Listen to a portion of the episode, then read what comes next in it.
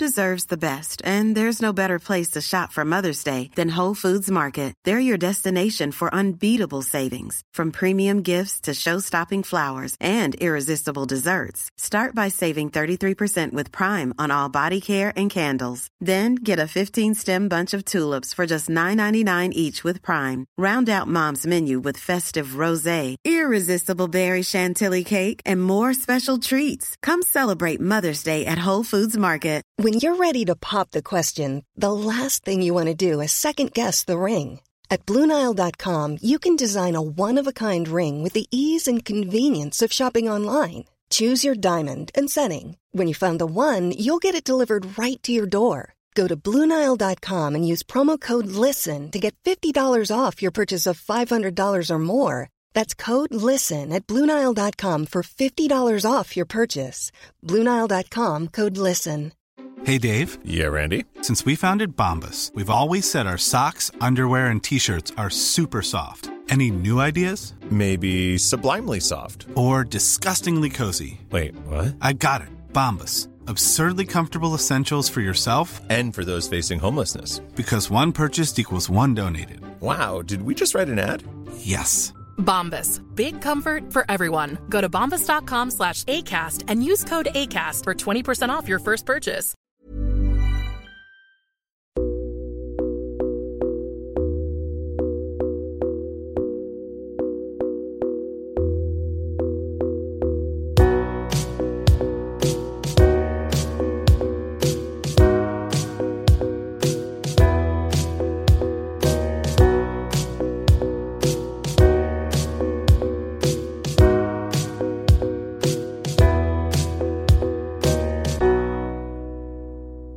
Lyssnar på Samtal, en podcast med fokus på fria samtal. Jag heter Jannik Svensson och producent för podden är Didrik Svan. Idén är att fokusera på fria samtal. Det här är ingen debatt eller någon form av duell där det finns en vinnare och en förlorare. Det här är ett samtal där vi lägger fördomar åt sidan och där målet är att minska polariseringen. Vi tror att öppenhet är grunden för det demokratiska samtalet och vi vill uppmuntra dig som lyssnar att välja att exponera dig för samtal med någon du inte håller med om, hur triggad du än blir. Vår podd består av långa samtal. Vi vill ha långa samtal eftersom vi då får chansen att verkligen gå in på djupet. Den här podden presenteras av Webax, hemsidor och innehåll. Mer om Webax kan du läsa på www.web.ax. webb med två b. Jag heter Jannik Svensson och du lyssnar på podcasten Samtal.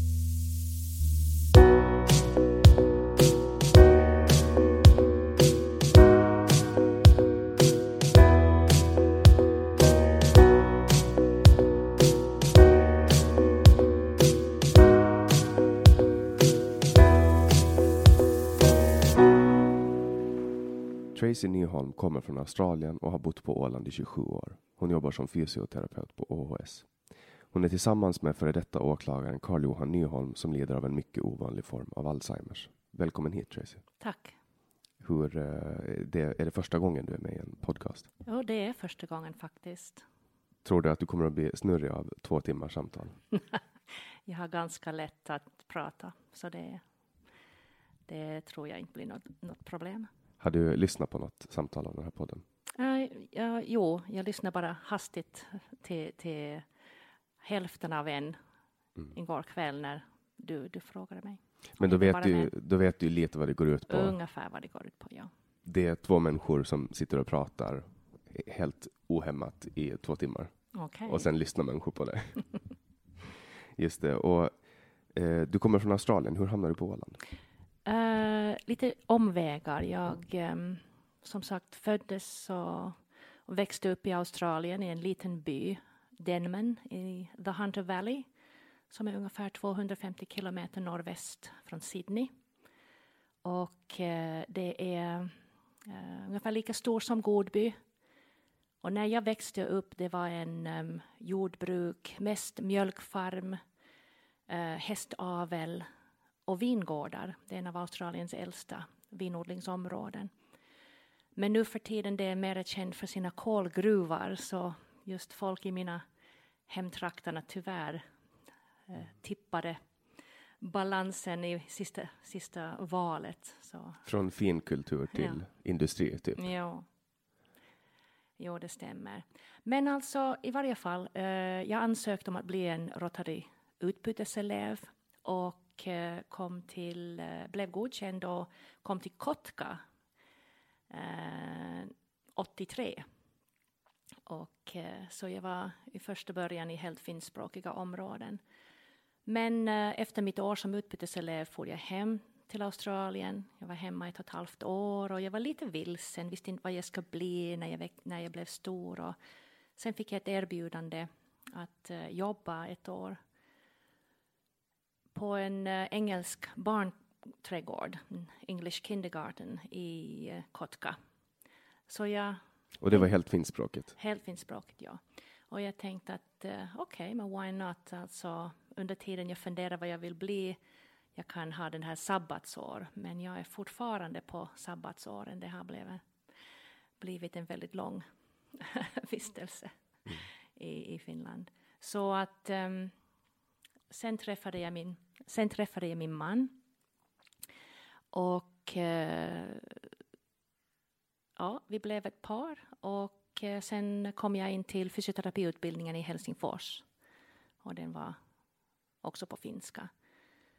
Så sen vandrade jag omkring Finland. Vi har bott uppe i norra Finland, i Kuusamo. Ehm, där föddes min äldsta son Thomas. Och um, det var då det var den stora ekonomiska krisen i, i Finland. Så att, uh, början på 90-talet? Ja, exakt. Och uh, så kunde vi inte röra på oss så mycket och jag var mammaledig. Och, så vi var sammanlagt uppe i norra Finland i, i tre år. Och sen um, Kalle fick ett vikariat här på Åland som åklagare. Och det skulle ha varit endast fyra månader.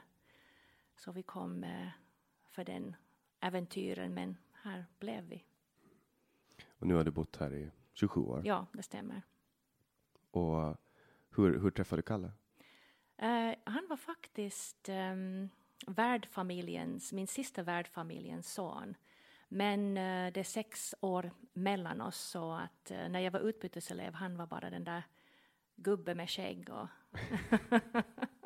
Hur gamla var ni när ni träffades första gången? uh, jag var 18 så då var han hela 24 år gammal. Ja. Det är ju inte så jätte, jättestor åldersskillnad Nej, egentligen. Nej, inte alls. Nej, inte alls. Men då, han uh, pluggade i Uppsala. Så jag träffade honom bara ett par gånger när han var hemma och hälsade på. Men sen um, när jag kom tillbaka, han flyttade tillbaka till um, Finland för att fortsätta sina studier, juridikstudier i Helsingfors. Och, och uh, då var jag 20 och han var 26 och då kändes inte åldersskillnaden överhuvudtaget. Så. Mm. Och du lärde dig prata både finska och svenska? Inte då. Um, jag lärde mig finska första åtta år. var jag helt finskspråkiga områden. Och eh, det var först när vi kom till Åland att jag måste lära mig, börja från början igen med svenska. Hur, hur var den resan då? Att, att lära mig svenska? Ja. Mycket enklare än att lära mig finska.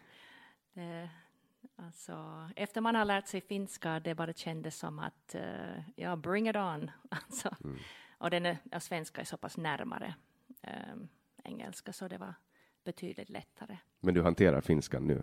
Jo, det, jo. jag har haft, uh, fast vi har bott här så länge på Åland, vi uh, hade finska som hemspråk, så det var uh, min och Kalles hemspråk. Och, um, han talade alltid finska med pojkarna, jag talade alltid engelska med pojkarna. Så de lärde, pojkarna lärde sig svenska i skolan på dagis och mm. med kompisarna. Det är en ganska fin gåva att få hemifrån. Eller hur? Ja, det tycker jag. Och det, det kräver ingenting än bara lite disciplin från föräldrarna i början. Att man är verkligen konsekvent, att inte börja blanda mm. språken. För det måste ju kännas lite underligt, kan jag tänka mig, nu, nu vet inte jag hur, hur det är, men om jag skulle prata engelska till exempel eh, med, med någon kompis som mm. jag delar svenska med, det skulle kännas ja. konstigt. Jo. Så det måste ju kännas lite underligt att prata finska med någon som man vet att pratar både engelska och svenska. Ja, Eller jag vet inte. Ja, det, det känns bara som att det blir en, en underlig situation. Men jag vet att, att folk som kommer från flerspråkiga familjer har ett, ett stort försprång. Mm. Och för mig, alltså man alltid haft den här språkdebatten här på Åland angående finska, men, men alltså jag älskar Åland, älskar ålänningarna, men ibland kan jag tycka att det är lite dumdristigt, den här hat mot finska språket. Språket för mig är ett verktyg. Ehm, och eh, ja, ja, nu pr- pratar vi lite politik här, men jag tycker att, att um, ålänningarnas bästa vapen mot förfinskning är att lära sig själv finska. Know the enemy. oh yes. Ja, ja, ja. Och, och Karl Johan då, jag nämnde det lite i början, men, men han har fått en ovanlig form av Alzheimers. Jo, ja, tyvärr. Ja, han, eh, han eh, började visa första symptomen eh, kring sin 50-årsdag. Nu när jag tittar i backspegeln ehm, jag kan se, eller jag kan eh, komma ihåg situationer där jag undrade men varför beter han sig på det viset? Att det var, det var så verkligen underliga saker som hände. Och ehm, ja, nu, nu vet jag varför. Att det var liksom då de första symptomen kom. Att, ehm, och sen ehm, det kom så himla smygande. Hur, hur märkte du det först då? Alltså, jag tror att, att eh, de första symptomen var i samband med eh, om vi var på en, en fest till exempel eller vi hade kompisar och man, man har lite öl, man har lite vin. Att, um, att vi har aldrig varit storkonsumenter på något vis men eh, efter ett par glas vin det brukar vara liksom en, en trevlig stämning och, och så. Men han blev så annorlunda. Han, han betedde sig konstigt från små mängder alkohol. Och ehm, han blev så um, argumentative, vad heter det på svenska? Han, eh, och, alltså, Eh, alltså- upprätt, lätträtlig eller? Jo, lätträtlig och, och um, hamna i sådana situationer. Han, han var så fredsälskande och så jo- jovial och, och ehm, verkligen en, en nallebjörn. Och sen ehm, då kunde han bli så lite argsint och irriterad och då kunde han liksom plötsligt stiga upp och fara hem. Och man var okej, vad är det här för någonting?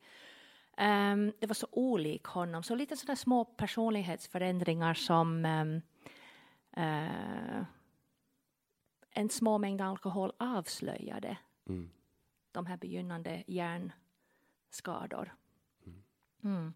Men alltså sen han som var den mest eh, pålitlig chaufför, han var och som åklagare, han alltid följde reglerna, vilka all, all, körde aldrig um, över hastighetsbegränsningen och, och sånt. Och jag alltid satt väldigt um, avslappnad i um, passagerarsätet och, och plötsligt var jag, jag jättenervös när han körde därför att han kunde liksom plötsligt liksom bara vandra över mittlinje och, och um, när vi var på en motorväg han kunde liksom um, eh, ja, liksom, nästan liksom glida in mot en, mot en um, långtradare och man blev Wah! Um, Han hade jättesvårt att bedöma avstånd antagligen, nu när man förstår det efteråt. Och sen han blev också så väldigt nervös um, när vi körde på lite mera okända områden. Att, att, att um, han hade jättesvårt att tolka skyltarna. Att läsa vad det står på skyltarna, processera den där informationen och agera därefter. Att så blev, hela processen blev så långsam så han, han var liksom att vilken, säg nu, säg nu, säg nu, vart, vart, vart ska vi?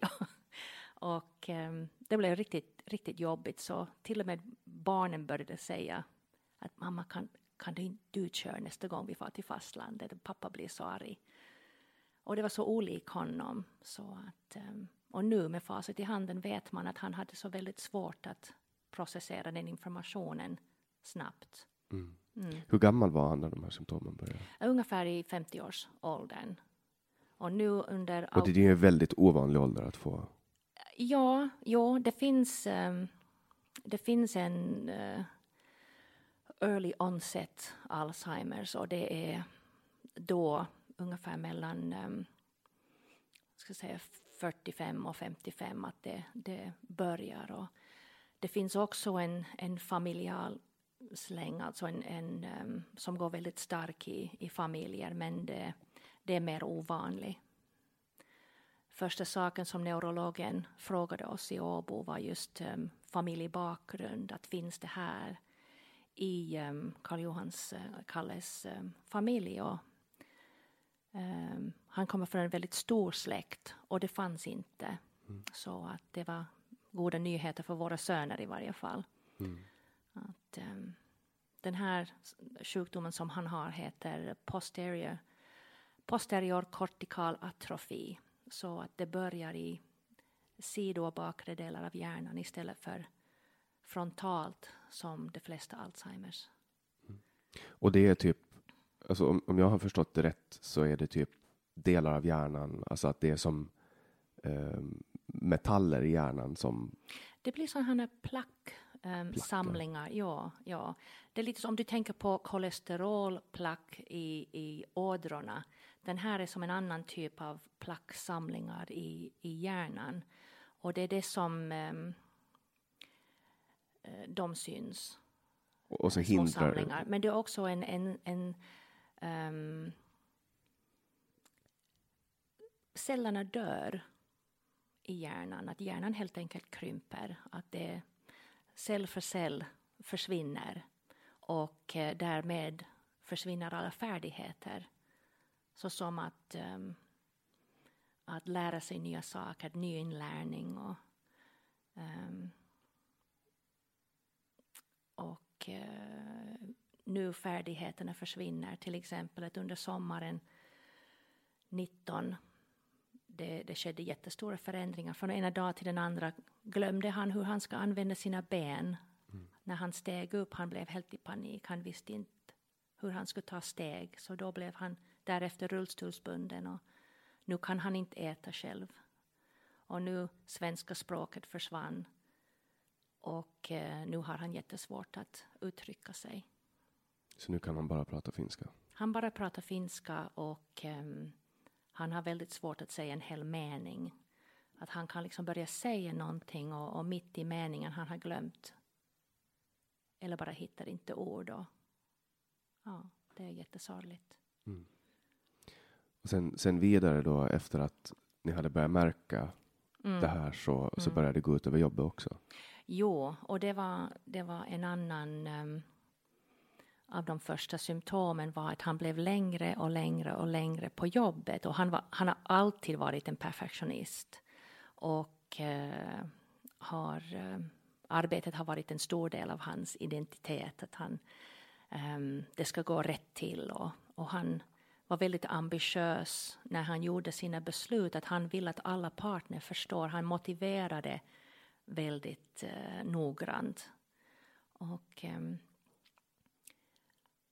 och som alla ålänningar minns från den tiden, det var väldigt eh, ofta reportage om åklagarämbetet om hur mycket arbete de hade där. Så att han blev längre och längre och längre på jobbet och satt där kvällar och helger och ehm, um, uh, ja, men jag tror att det var på grund av, delvis på grund av i början att, att um, han hade bara så svårare, mycket svårare att koncentrera sig och att eh, få saker och ting gjort. Och att, ja. Pratade han om det någon gång? Sa han att det här är, att det är någonting som är fel? Eller? Nej, egentligen inte. Och det som har varit en, en ett eh, väldigt stort problem uh, är att han har saknat sjukdomsinsikten. Antingen det eller att uh, han har haft en otroligt stark förnekelse. Mm. Men jag tror att det är en blandning av båda. Men alltså, han sa aldrig att det är, jag fungerar inte, det är någonting fel. Eller jag har, det var alltid att, att um, jag, måste, jag måste byta jobb. Jag måste byta jobb, jag, jag kan inte med det här mera. Och, Och så i början naturligtvis trodde jag att det var burnout, att han var helt enkelt liksom utbränd av um, sina långa dagar och det, det tunga arbetet. Men um, det visade sig vara någonting helt annat tyvärr. Mm. Och då bytte han från åklagare till? Jo, han um, bytte till fogdeämbetet och där var han tre år. Och, och där, han var bara som en, som en utmätningsman. Och eh, han kunde klaga över att ja men alltså jag har inte fått handledning. Jag har, de har inte visat mig hur jag ska använda det där dataprogrammet. Och, eh, jag tror absolut att han hade fått undervisning och så, men han bara lärde sig så himla långsamt. Så där var han tre år och där um, hoppade han av och sen for han till um, rättshjälpsbyrå och då blev han um, avskedad på ett väldigt fullt sätt. Det, um, det var stora tidningsrubriker och han blev lite som en... Um, ja, de ville bli av med honom. Men de... Ja, tidningen behandlade honom som en offentlig person då. Mm, och ja. liksom lyfte fram kritik mot honom i tidningarna och sånt. Nej, egentligen. Alltså, det gjordes på ett otroligt fullt sätt. Att uh, han, han märkte väldigt fort när han kom dit att uh, um, intressebevaknings... Han skulle jobba just med intressebevakning. Vilket lite, vilket lite tragikomiskt med tanke på att han behövde sen några år senare en egen intressebevakare. Um, men um, ja, han märkte från första dagarna att um, bokslutet för alla, alla klienterna hade inte gjorts under två års tid. Och det är ju egentligen intressebevakningens största uppgift, att kunna säga var klienternas pengar går. Mm. Och eh, så han försökte lyfta frågan, men, men um, ja, han, han ringde till Finland för att höra vad han skulle kunna göra. Um, därför han insåg att det var en mastodontarbete som måste göras. Och um, det kunde vara ganska um, hemska konsekvenser. Men, ja, men i varje fall så, så då blev han avskedad. Um, men på ett väldigt uh, offentligt sätt. Att då hade de en, intervjuat en kvinna i tidningen och naturligtvis det var bortpixlad hennes, uh, hennes ansikte och det var liksom du vet hur det brukar gå, liksom Jeanette som egentligen heter någonting annat um, undrar var hennes pengar har försvunnit. Och uh, ah, så det mellan raderna antydde att Kalle har snott mm. hennes pengar.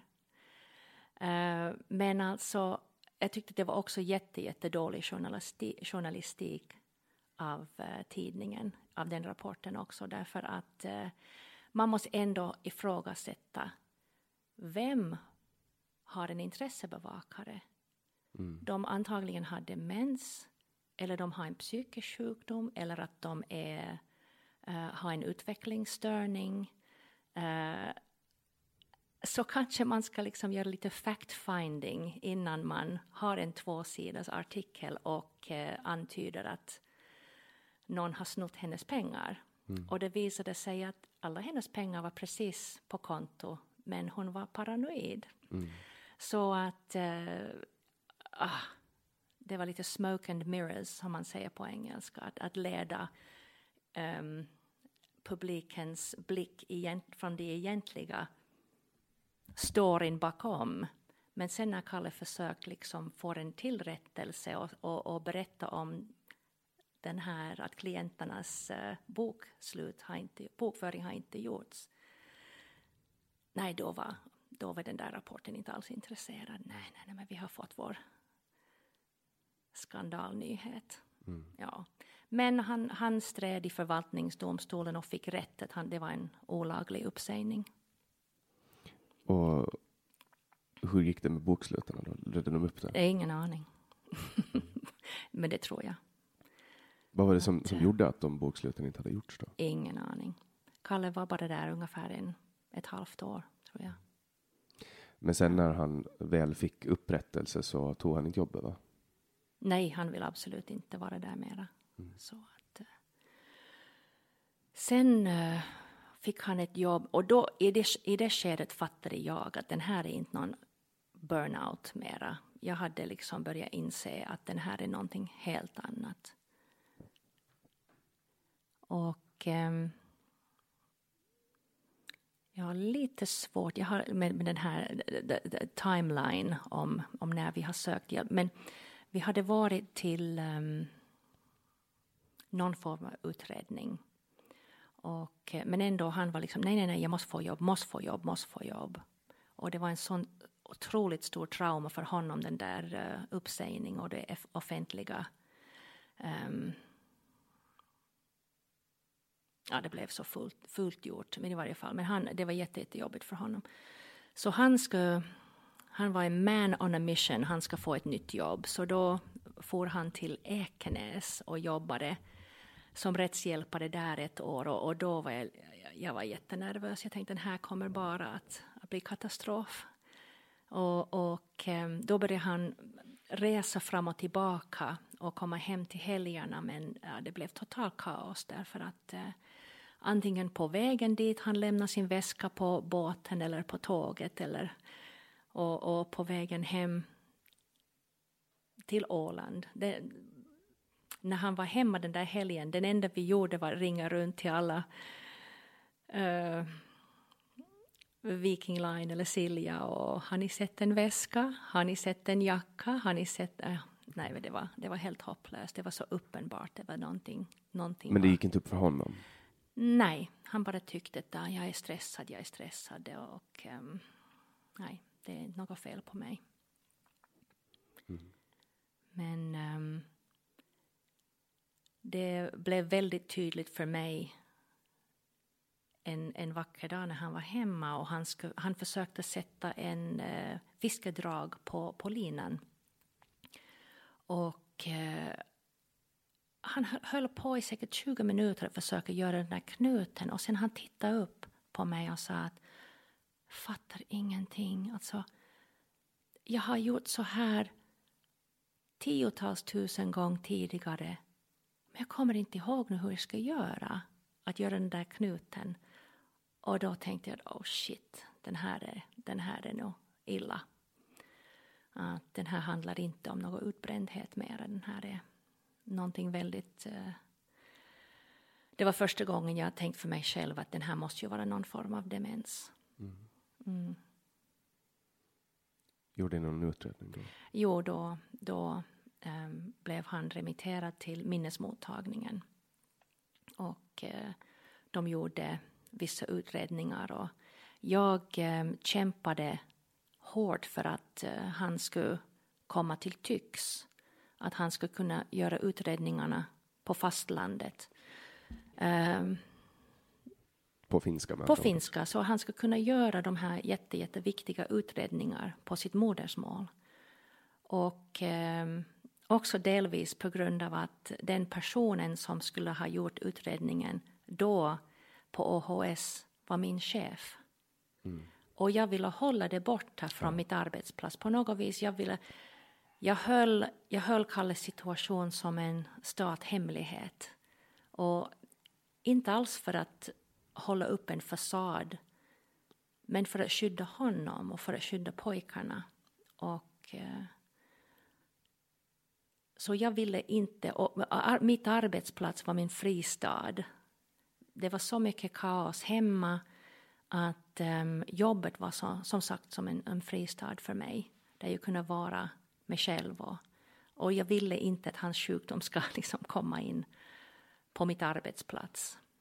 Och, uh, så egentligen det var inte tills det var inte tills um, vi måste separera. Uh, oj, vilken år var det? 2000? Nej, det var liksom 2015, ja. Att, att då, då fattade mina arbetskompisar att eh, det var ett problem. Jag hade hållit upp masken väldigt, väldigt eh, bra, tyvärr. Och den här separationen Mm. var av tekniskt slag. Det var ett måste um, han han um, tyvärr började tröstpimpla.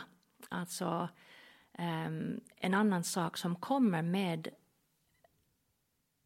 eh, det, som är absolut inte ovanlig med en demenssjukdom är den här brist på impulskontroll. Och um, han hade hemskt, hemskt mycket ångest, vilken är också en av de huvud... Eh, symptomen i en demenssjukdom i början och i mitten stadiet. De har jättemycket ångest över att varför jag fungerar inte och varför är, why is the world so confusing? Alltså att, um, så tyvärr börjar han ehm, um, tröstdricka. Och uh, det är den sista saken någon med en hjärnskada ska göra. Där var han börjar bli, alltså min, min underbara nallebjörn till man började bli aggressiv.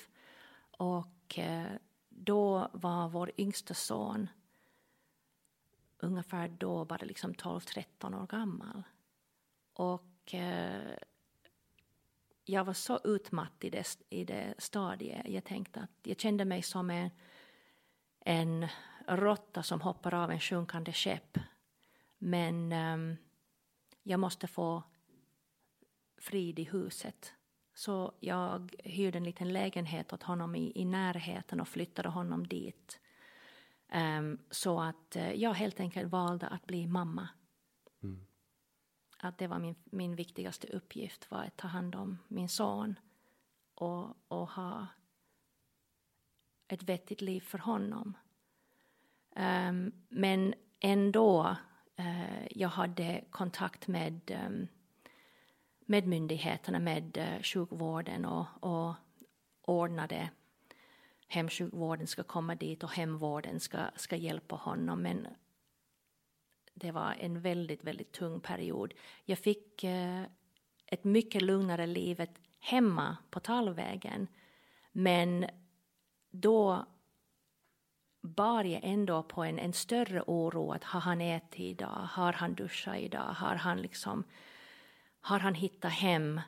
um, och uh, han kunde komma mitt på natten och knacka på min sovrumsfönster och det var minusgrader ute och han hade ingen jacka, ingen hatt, inga handskar. Tappade sin nyckel, visste inte var hans telefon var. Och eh, nej, så jag fick, jag fick eh, hemfrid med, där jag kunde återhämta mig själv för att orka hjälpa honom. Men eh, det var inte tills han kom till eh, Trobergshemmet att han fick en plats där på SB um, vad heter det? ESB, effektiviserat serviceboende. Uh, att jag kunde riktigt andas ut. Och när, när skedde det? Uh, vänta nu.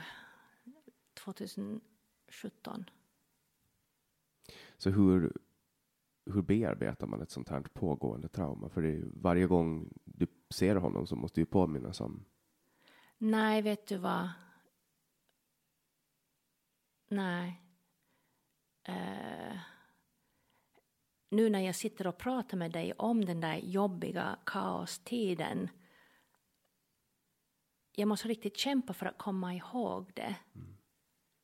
Det var så fruktansvärt tunga år att jag har på något vis bara liksom voff, Och jag borta från, från, från mig. Och jag tror att det är en orsak varför um, jag har klarat allt det här utan att bli ett psykfall, om du förstår, eller bryta ihop totalt, är på grund av att jag har en väldigt um, positiv livsinställning. Och jag är en sån där keep calm and carry on typ.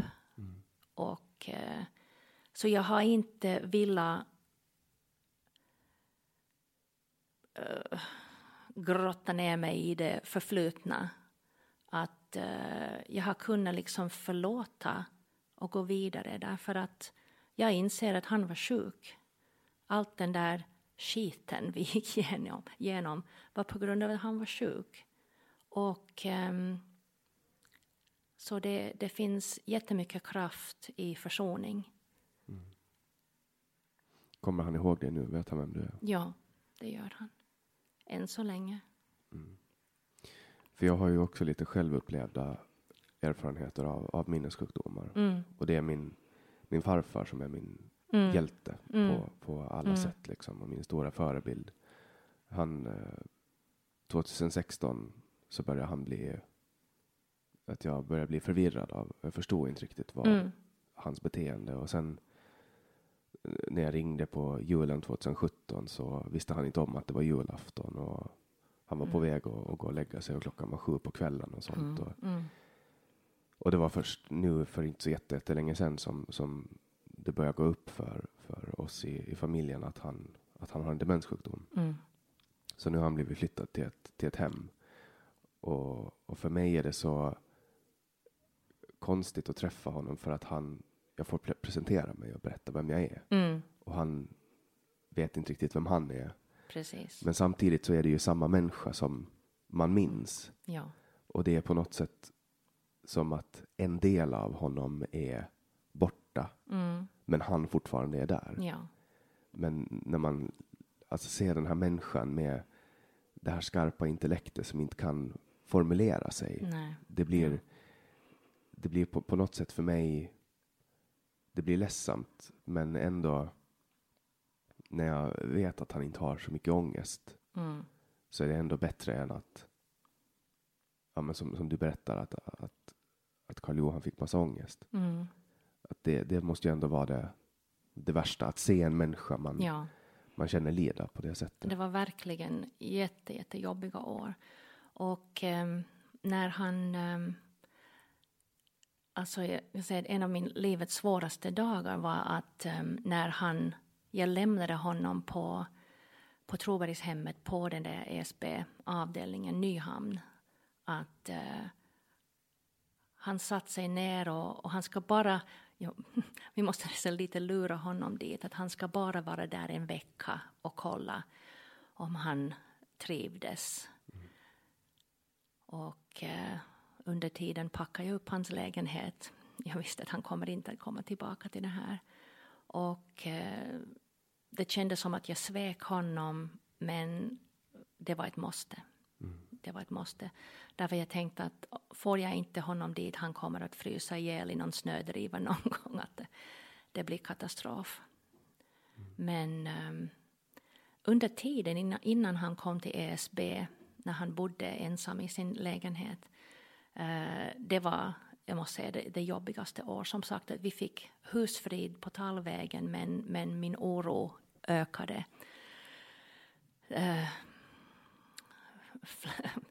tio, gånger tio. Därför att eh, jag visste inte hur han hade det. Men han, han for då dagligen till Klippan.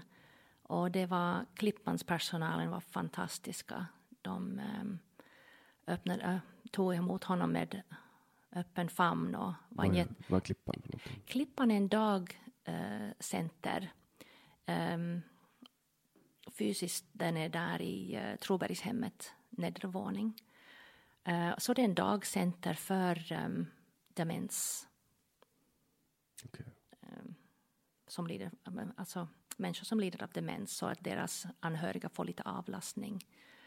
Uh, och de var en otroligt stöd till mig också det var jätte, jättebra. Så efter den här tiden då, efter att han kom till, till Tråbergshemmet så hade bara Alltså den här, den här sjukdomen, det är en ovanlig form av, mm. av Alzheimer som jag har mm. förstått och mm. att den kommer att fortsätta eskalera nu. Jo, det går. Det går riktigt. Eh, det tycker att det bara eskalerar den här farten. Mm. Att det kom så otroligt smygande de där första fem åren och sen det har liksom backen blir brantare mm. nedåt. Det var lite så jag upplevde det med, med farfar också. Nu är det inte helt klart ställt om, han, om det är en demenssjukdom eller om det är Alzheimers eller vad, mm. vad det riktigt mm. är. Men, mm. men det, är när, det är när jag börjar tänka tillbaks som jag ser de här tecknen som jag börjar förstå. Mm. Eh, vad det är som har varit på gång och att det har varit på gång under en längre tid. Mm. Och att jag har misstänkt helt andra saker än vad som Ja. egentligen har varit, Mm. varit fallet.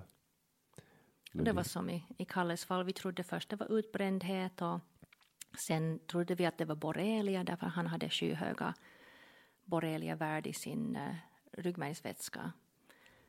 Men ehm, nej, tyvärr.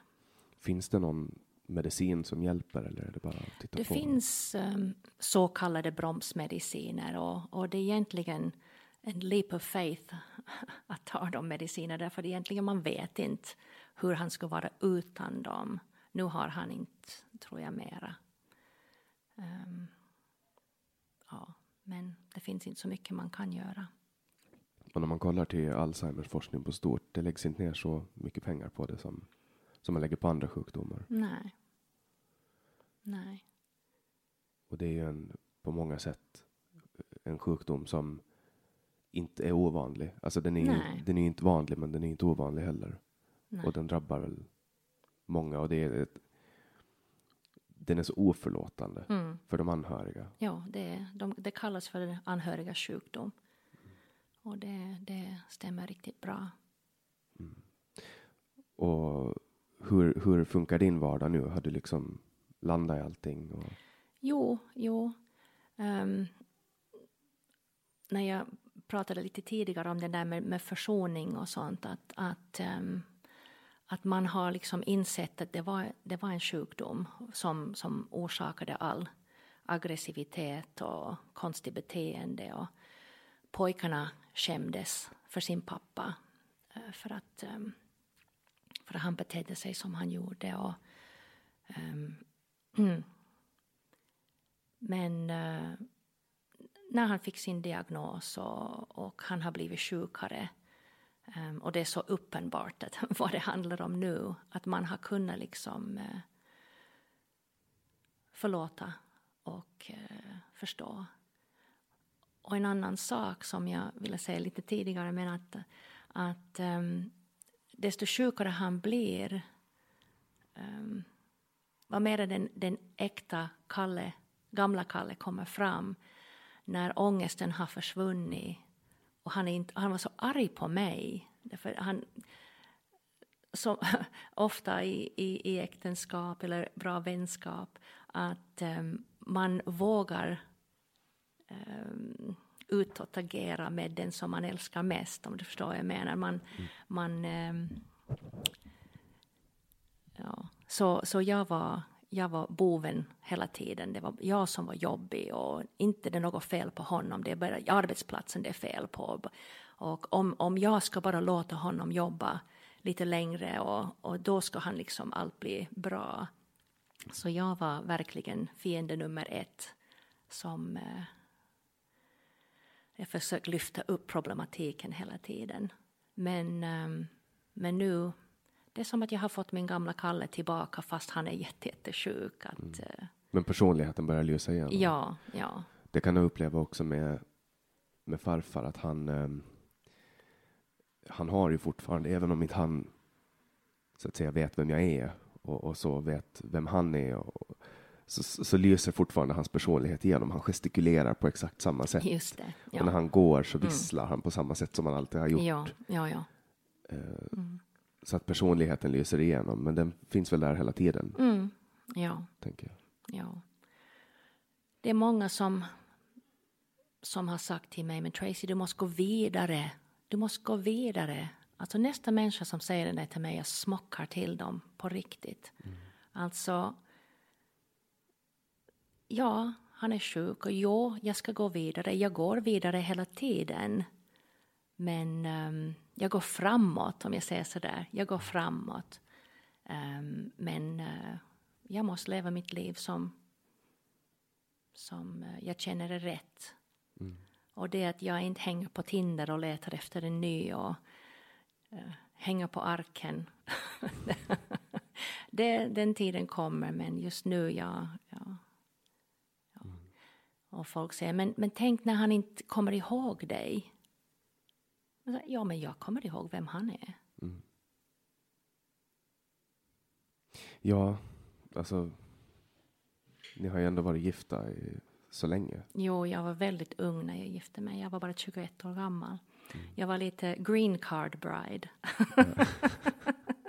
ja, faktiskt. Jag, hade, jag ska absolut inte ha trott att jag skulle gifta mig så där ung. Um, men uh, jag hade sluppit in till fysioterapiutbildningen i Helsingfors och, och uh, första tiden levde vi på hans studielån så du kan förstå hur, hur tajt det blev. Mm.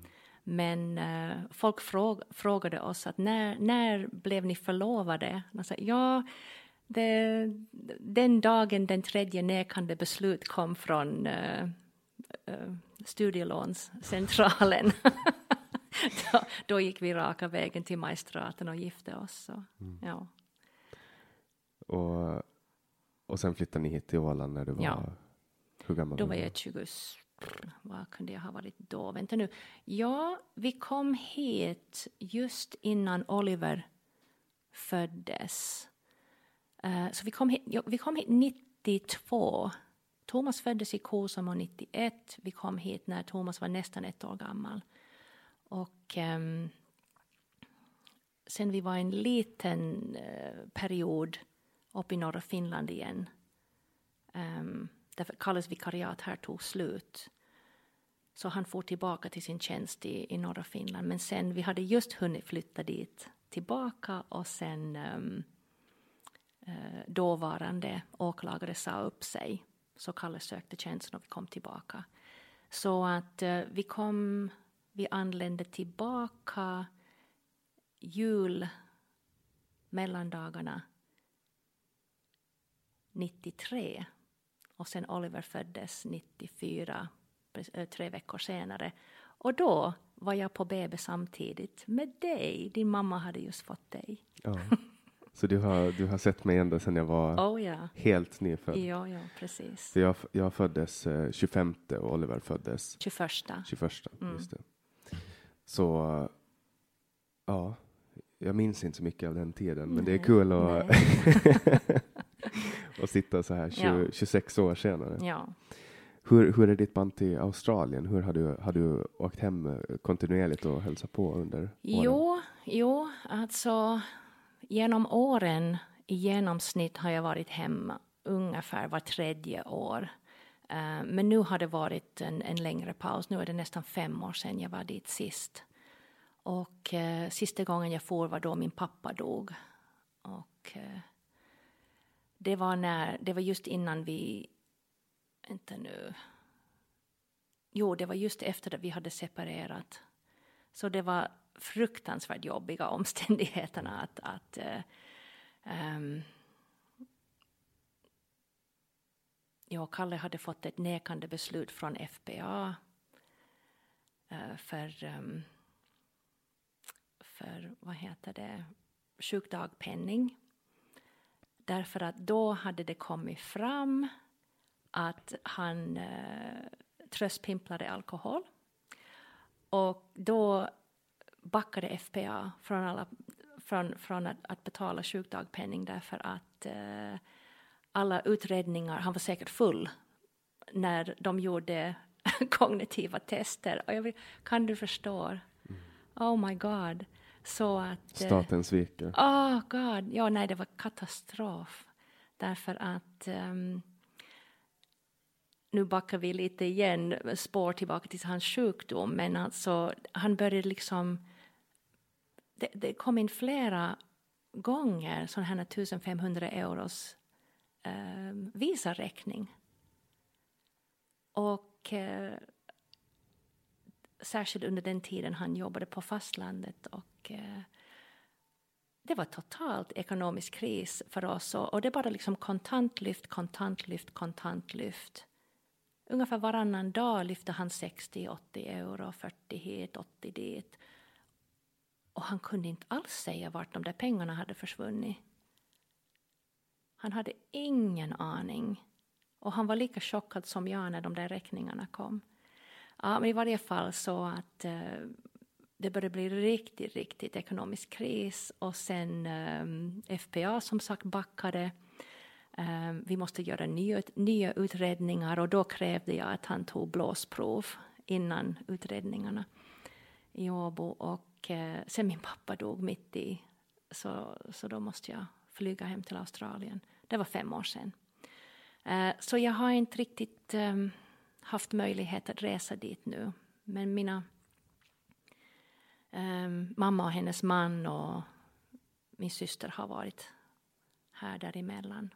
Mm. Jag hade planerat länge att fara dit nu i år, att vara en längre tid, men jag tror tyvärr jag måste skjuta fram det.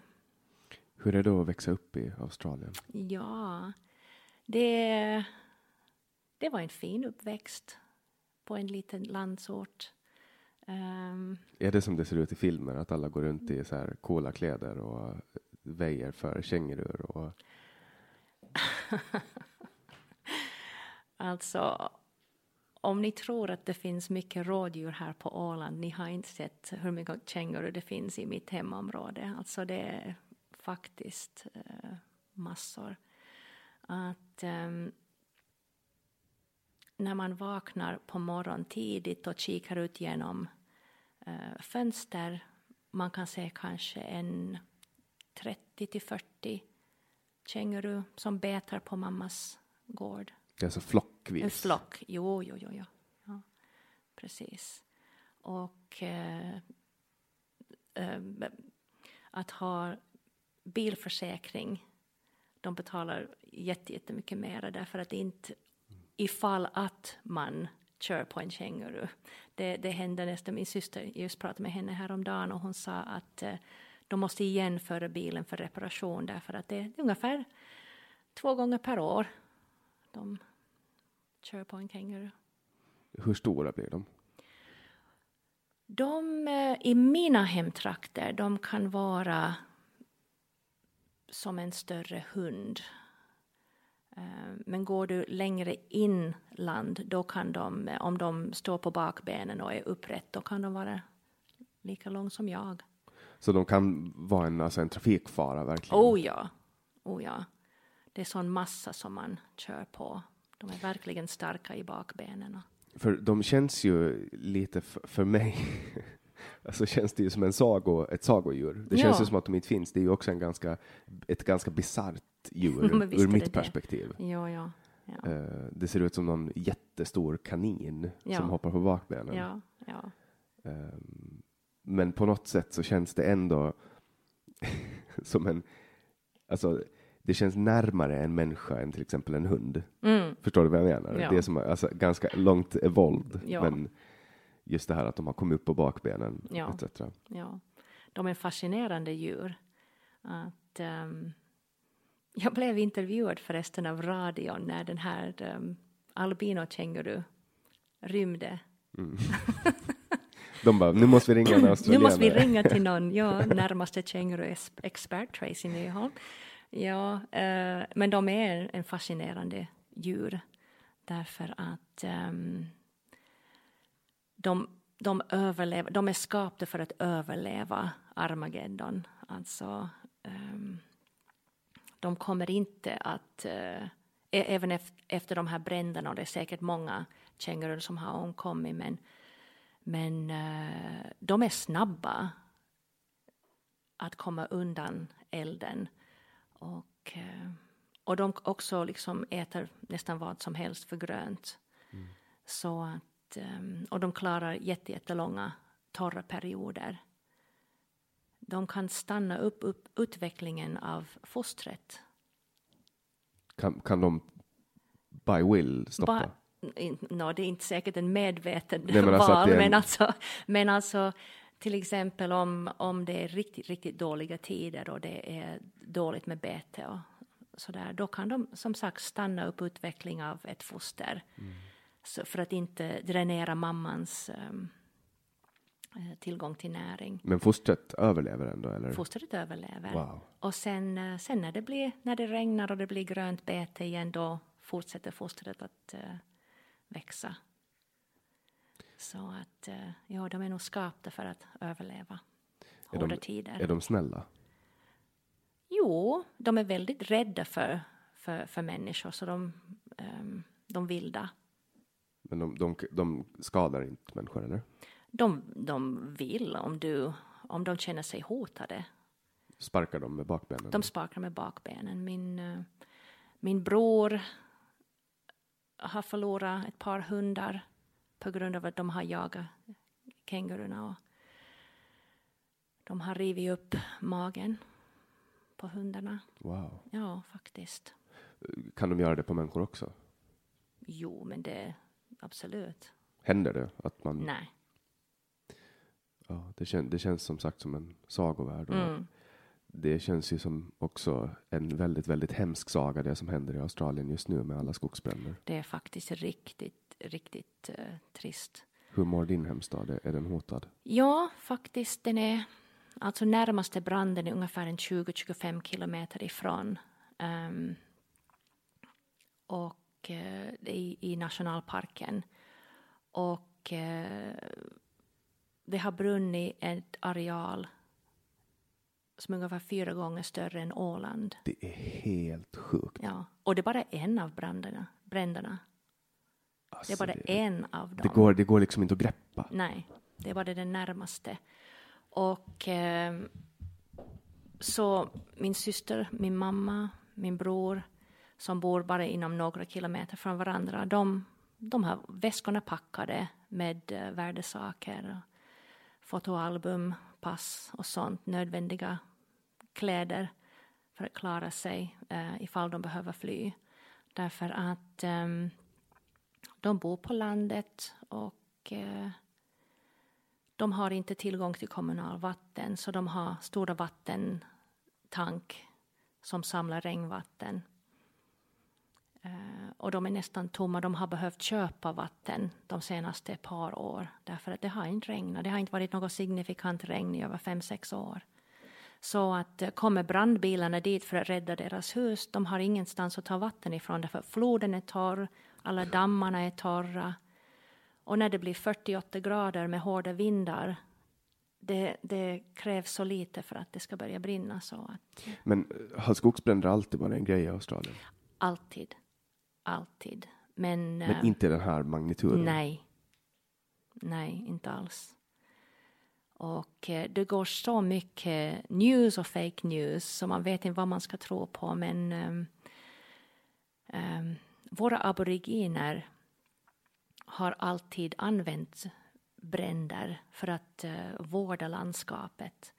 Eh, och min ehm, mamma och många andra har använt de eh, tekniker för att eh, hålla markbränsle till minimal. Alltså alla gamla löv och sånt som, som faller där det blir ett, um, ett bränsletäcke på bushskogen. Vi kallar skogen för bush i Australien.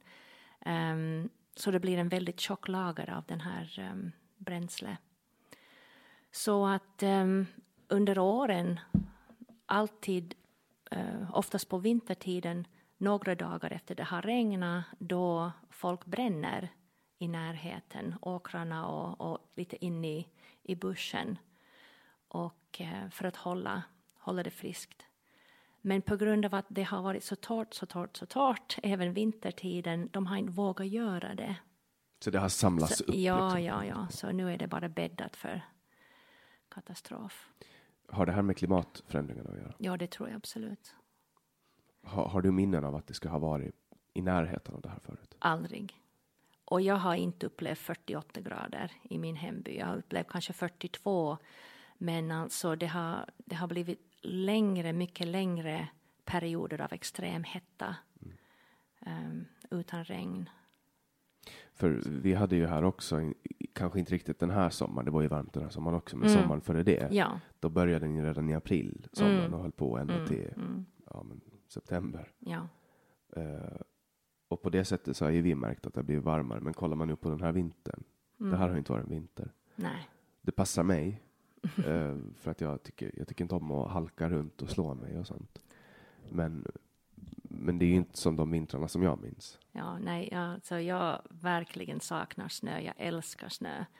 Det ger, tar med sig ljuset. Mm, det gör det. Ja, och luften blir så mycket renare. Och, jo, så jag, jag älskar kalla vintrar med, med mycket snö. Så den här är, tycker jag är så trist.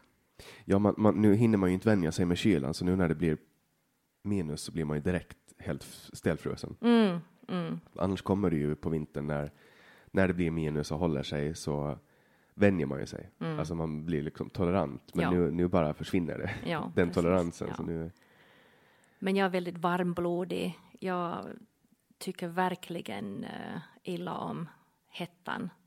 Så att jag valde fel land att, att födas i, därför jag är rödhårig och fräknig, så jag är en sådär gående hudcancerkandidat. men hur kommer det sig att, nu, nu, nu kommer det här en, en vild eh, fördom, men Mm. är det flera folk som är rödhåriga från Australien?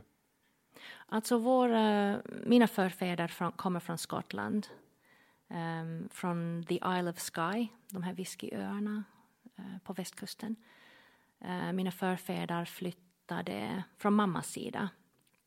ehm, 1852. Just kring den tiden Bomarsund bombades, om man tänker på en åländsk perspektiv. Ehm, Ja, och de, de flyttade till Australien. Um, eh, där var också the, the Highland clearing, clearances, alltså om det säger dig någonting. Det var det någon så här grace-period där man fick eh, flytta till Australien eller något sånt. Jag bara gissar vilt nu. Fick och fick. Man blev tvungen. Det kanske var någon Ja, utrensningsperiod. ja det var en utrensning. En, en etnisk clean, ethnic cleansing, alltså man vill bli av med den här gaelisk riffraff.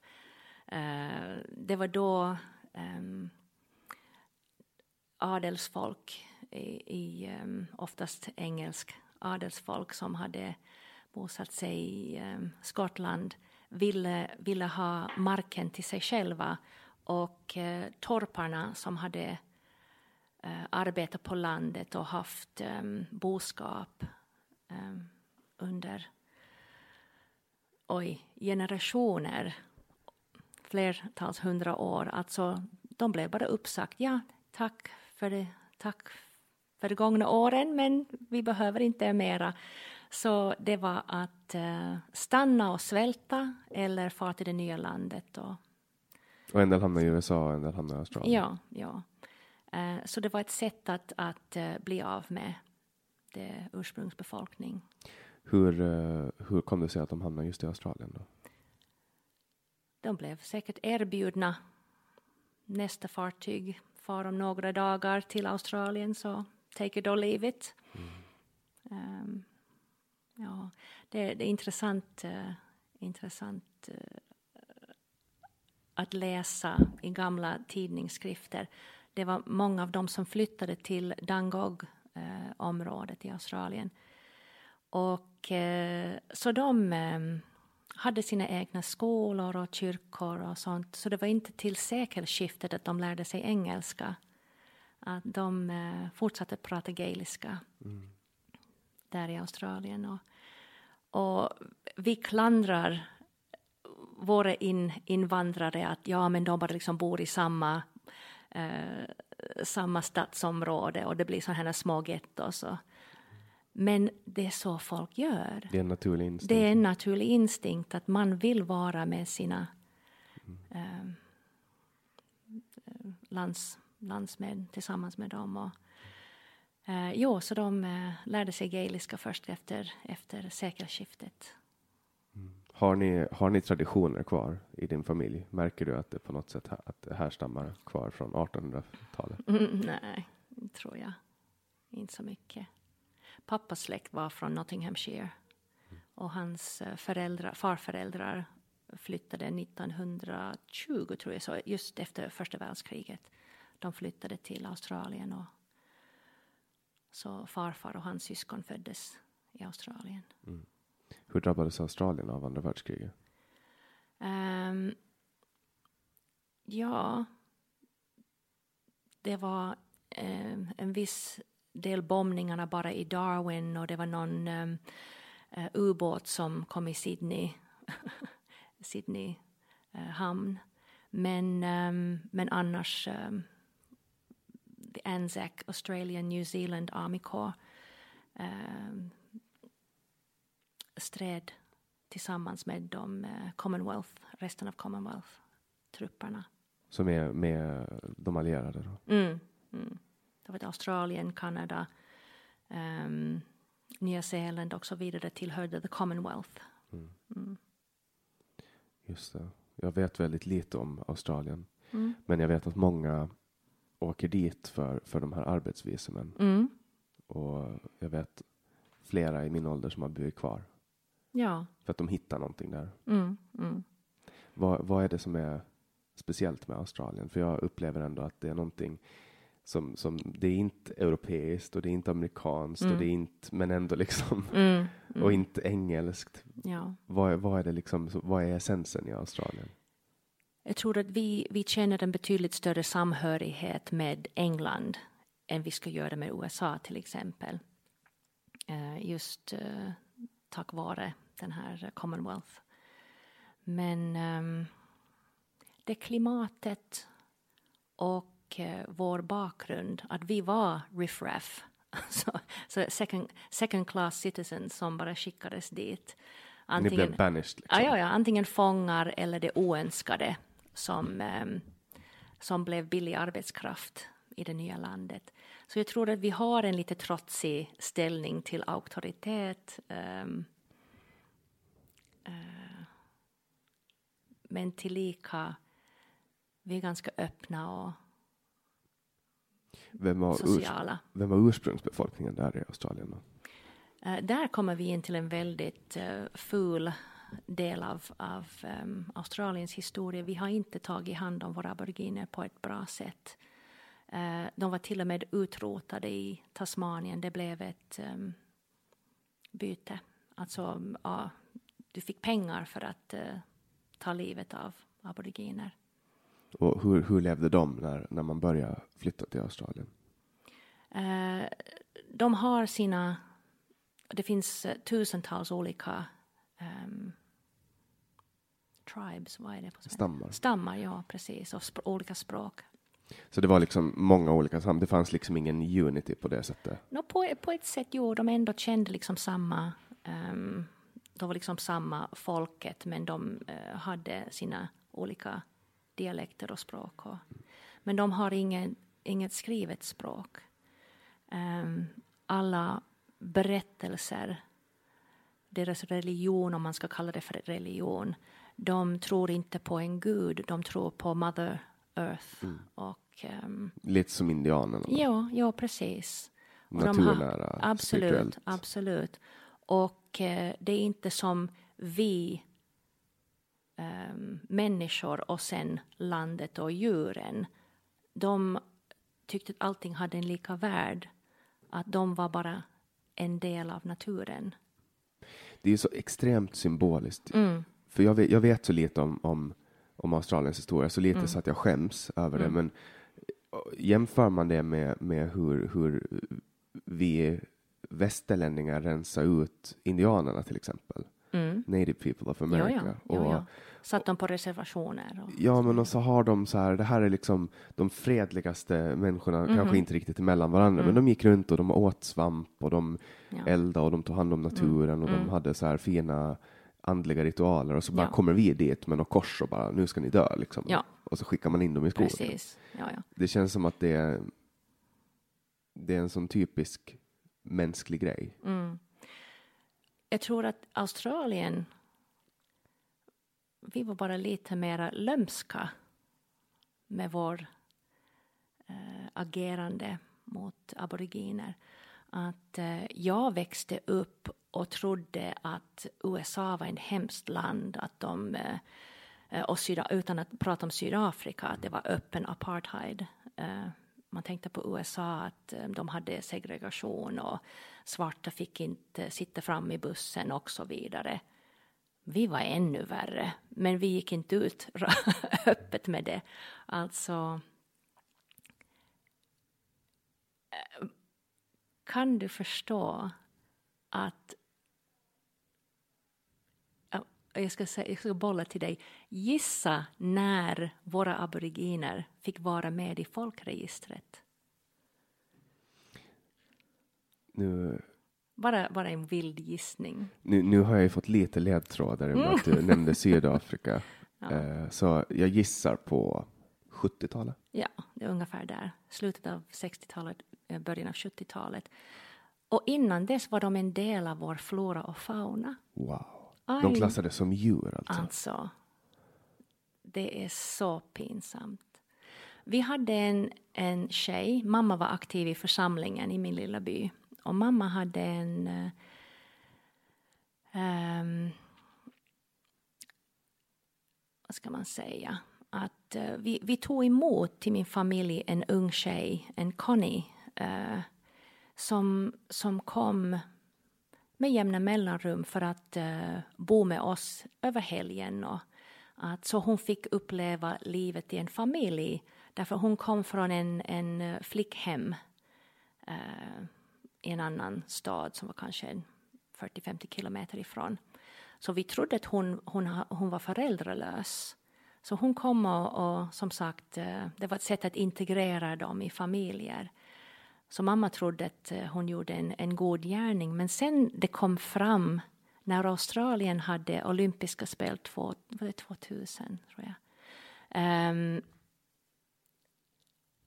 Kathy Freeman vann guld i 400 meters löpning. Och uh, så sen när, när världspress vill intervjua henne, hon sa jo, jo, jo, vi kan prata om min medalj senare, men jag vill prata om en annan sak. Och hon lyfte fram den här eh, stolen generation. Ehm, och Connie antagligen var en av dem, att de blev um, fråntagna, uh, bort, uh, myndigheterna tog henne från sin familj eh, på grund av att hon var en blandras. Oh. I know! Ja, alltså, oh my god. Och det är sånt här så, jag hade ingen aning att sånt här Eh, pågick.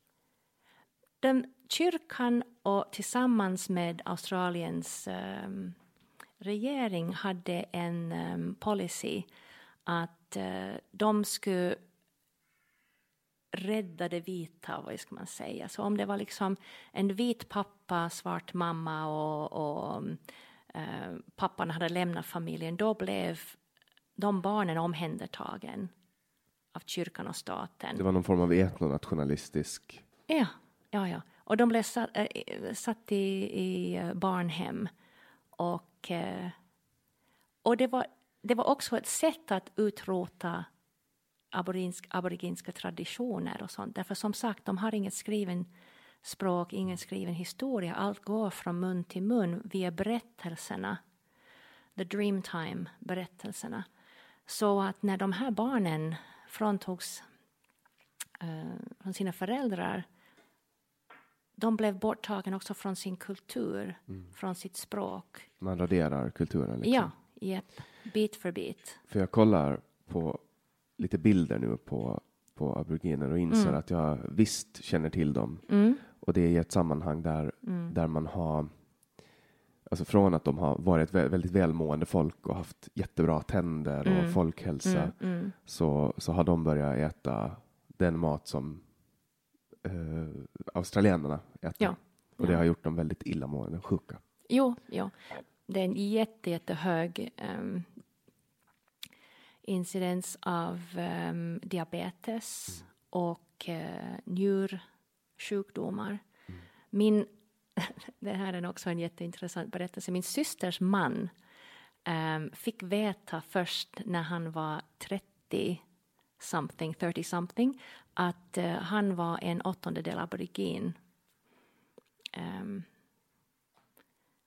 och han har alltid varit um, um, mörk. Han har kolsvart hår, men alltså han, han ser inte eh, uh, särskilt uh, aboriginsk ut. Han har väldigt mörk hud.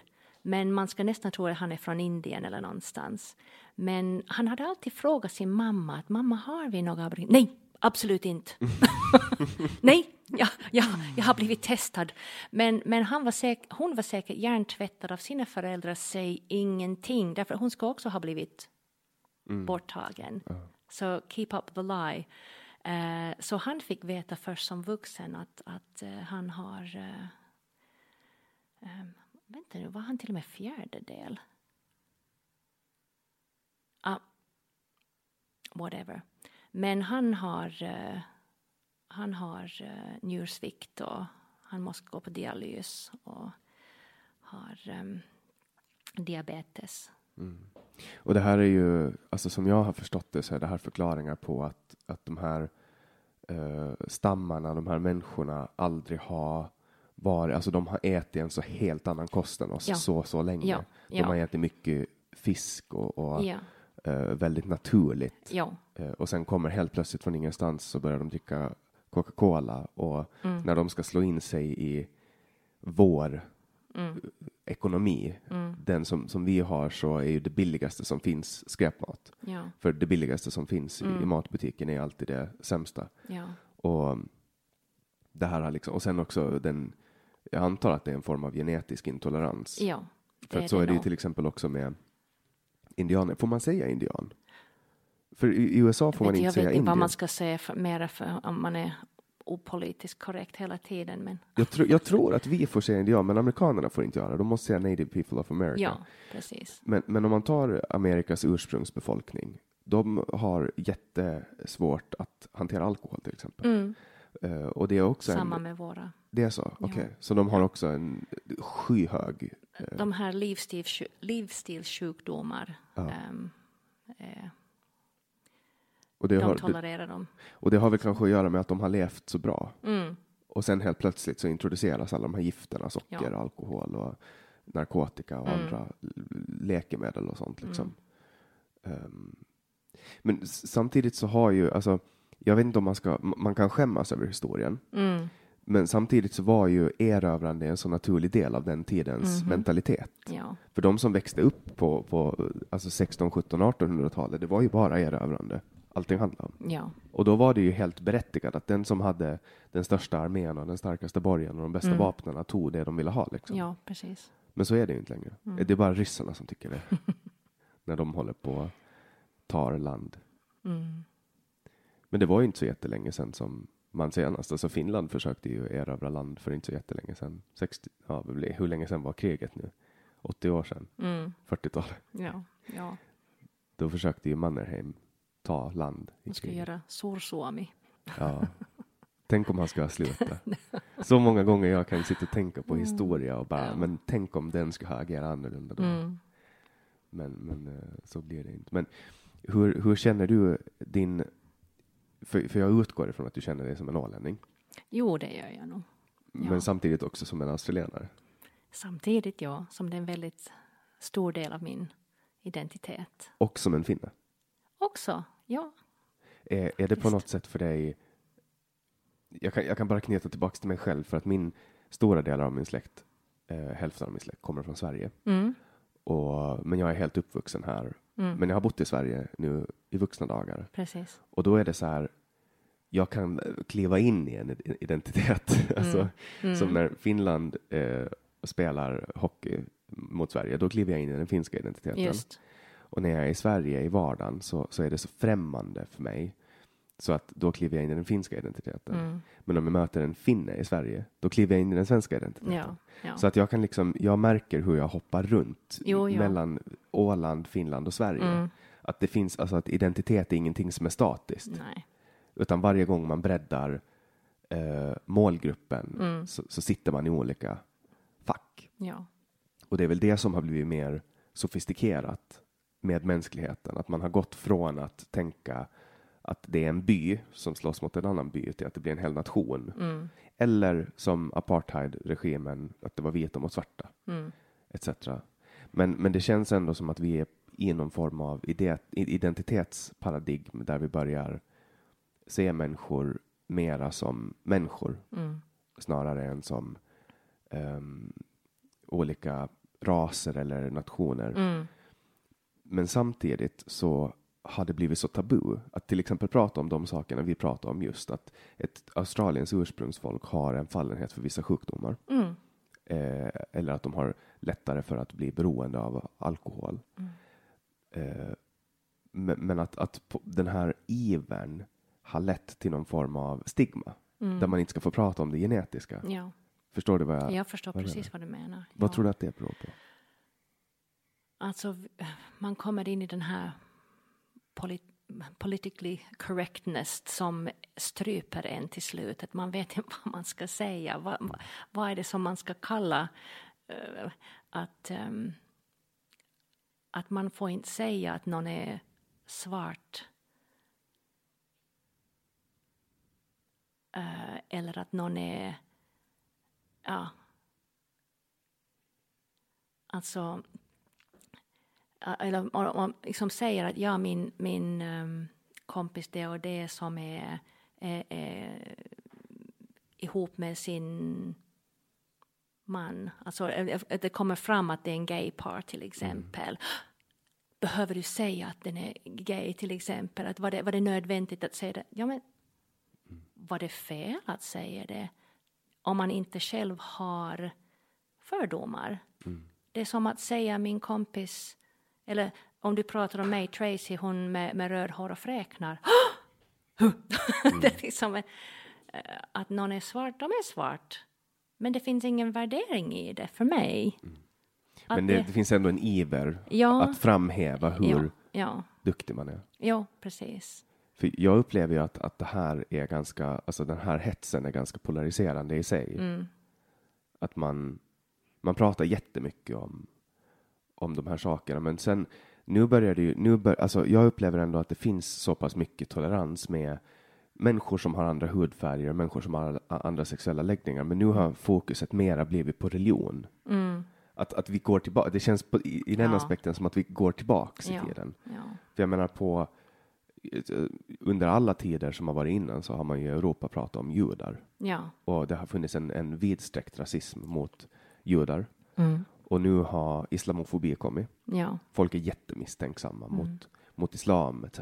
Och det här känns som att man samtidigt som vi blir mer acceptant, alltså ac- accepterande för, för alla de här olika sakerna så Mhm. bara skiftas fokus till någonting annat. precis. Ja. Snart kanske det blir någonting annat. Man bara behöver följa Facebook-status, att folk sätter upp vissa eh, artiklar som har ingen grund. Och de har inte ens läst dem. Och sen eh, posta vidare. Men Att, att, har du läst vad du just satt upp? Har du, liksom, har du någon referens? Det är rubriken. Liksom. Ja, precis. Det låter liksom lite sexigt, den där rubriken. Det där ska vi posta. Och ehm, utan att ha gjort någon bakgrundscheck, utan att ha liksom... eh, att man tror att, att, att någon... Man hör att någon är muslim, då är de ah, kvinnohatare. Och att... Eh, ja. För, förstår du vad jag menar? Ja. Man, man liksom kopplar vissa attribut till precis. ens egen bild av. Ja. För jag Ja, menar, det ja. finns ju kvinnohat inom islam, men det finns det inom kristendomen också. Mm. Oh ja. Men, men det är ju sannolikheten att någon ska koppla en kvinnomisshandlare till islam är mycket större än någon som är kristen. Mm. Eller som att jag säger katolska präster. Ja. Och då tänker Ja. folk att de våldtar Ja, pojkar. precis. Ja, ja. Det har liksom blivit att man, man utgår ifrån att nidbilden är den sanna bilden. Yes. Och när, när du nämner fake news, då tänker jag på, på en artikel som jag har sett flera gånger de senaste veckorna och det är eh, över 200 pyromaner arresterade i Australien. Ja. ja. Och det är så här, det finns inte en enda eh, trovärdig källa eller Mm. etablerat mediehus som har gått ut. Men jag har läst typ Expressen har skrivit att det var typ så här 16-17 pyromaner som har blivit mm. arresterade.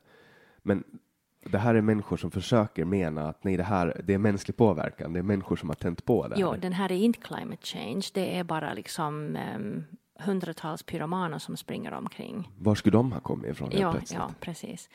Och eh, det kanske finns tio idioter som med, med flit tänder eld.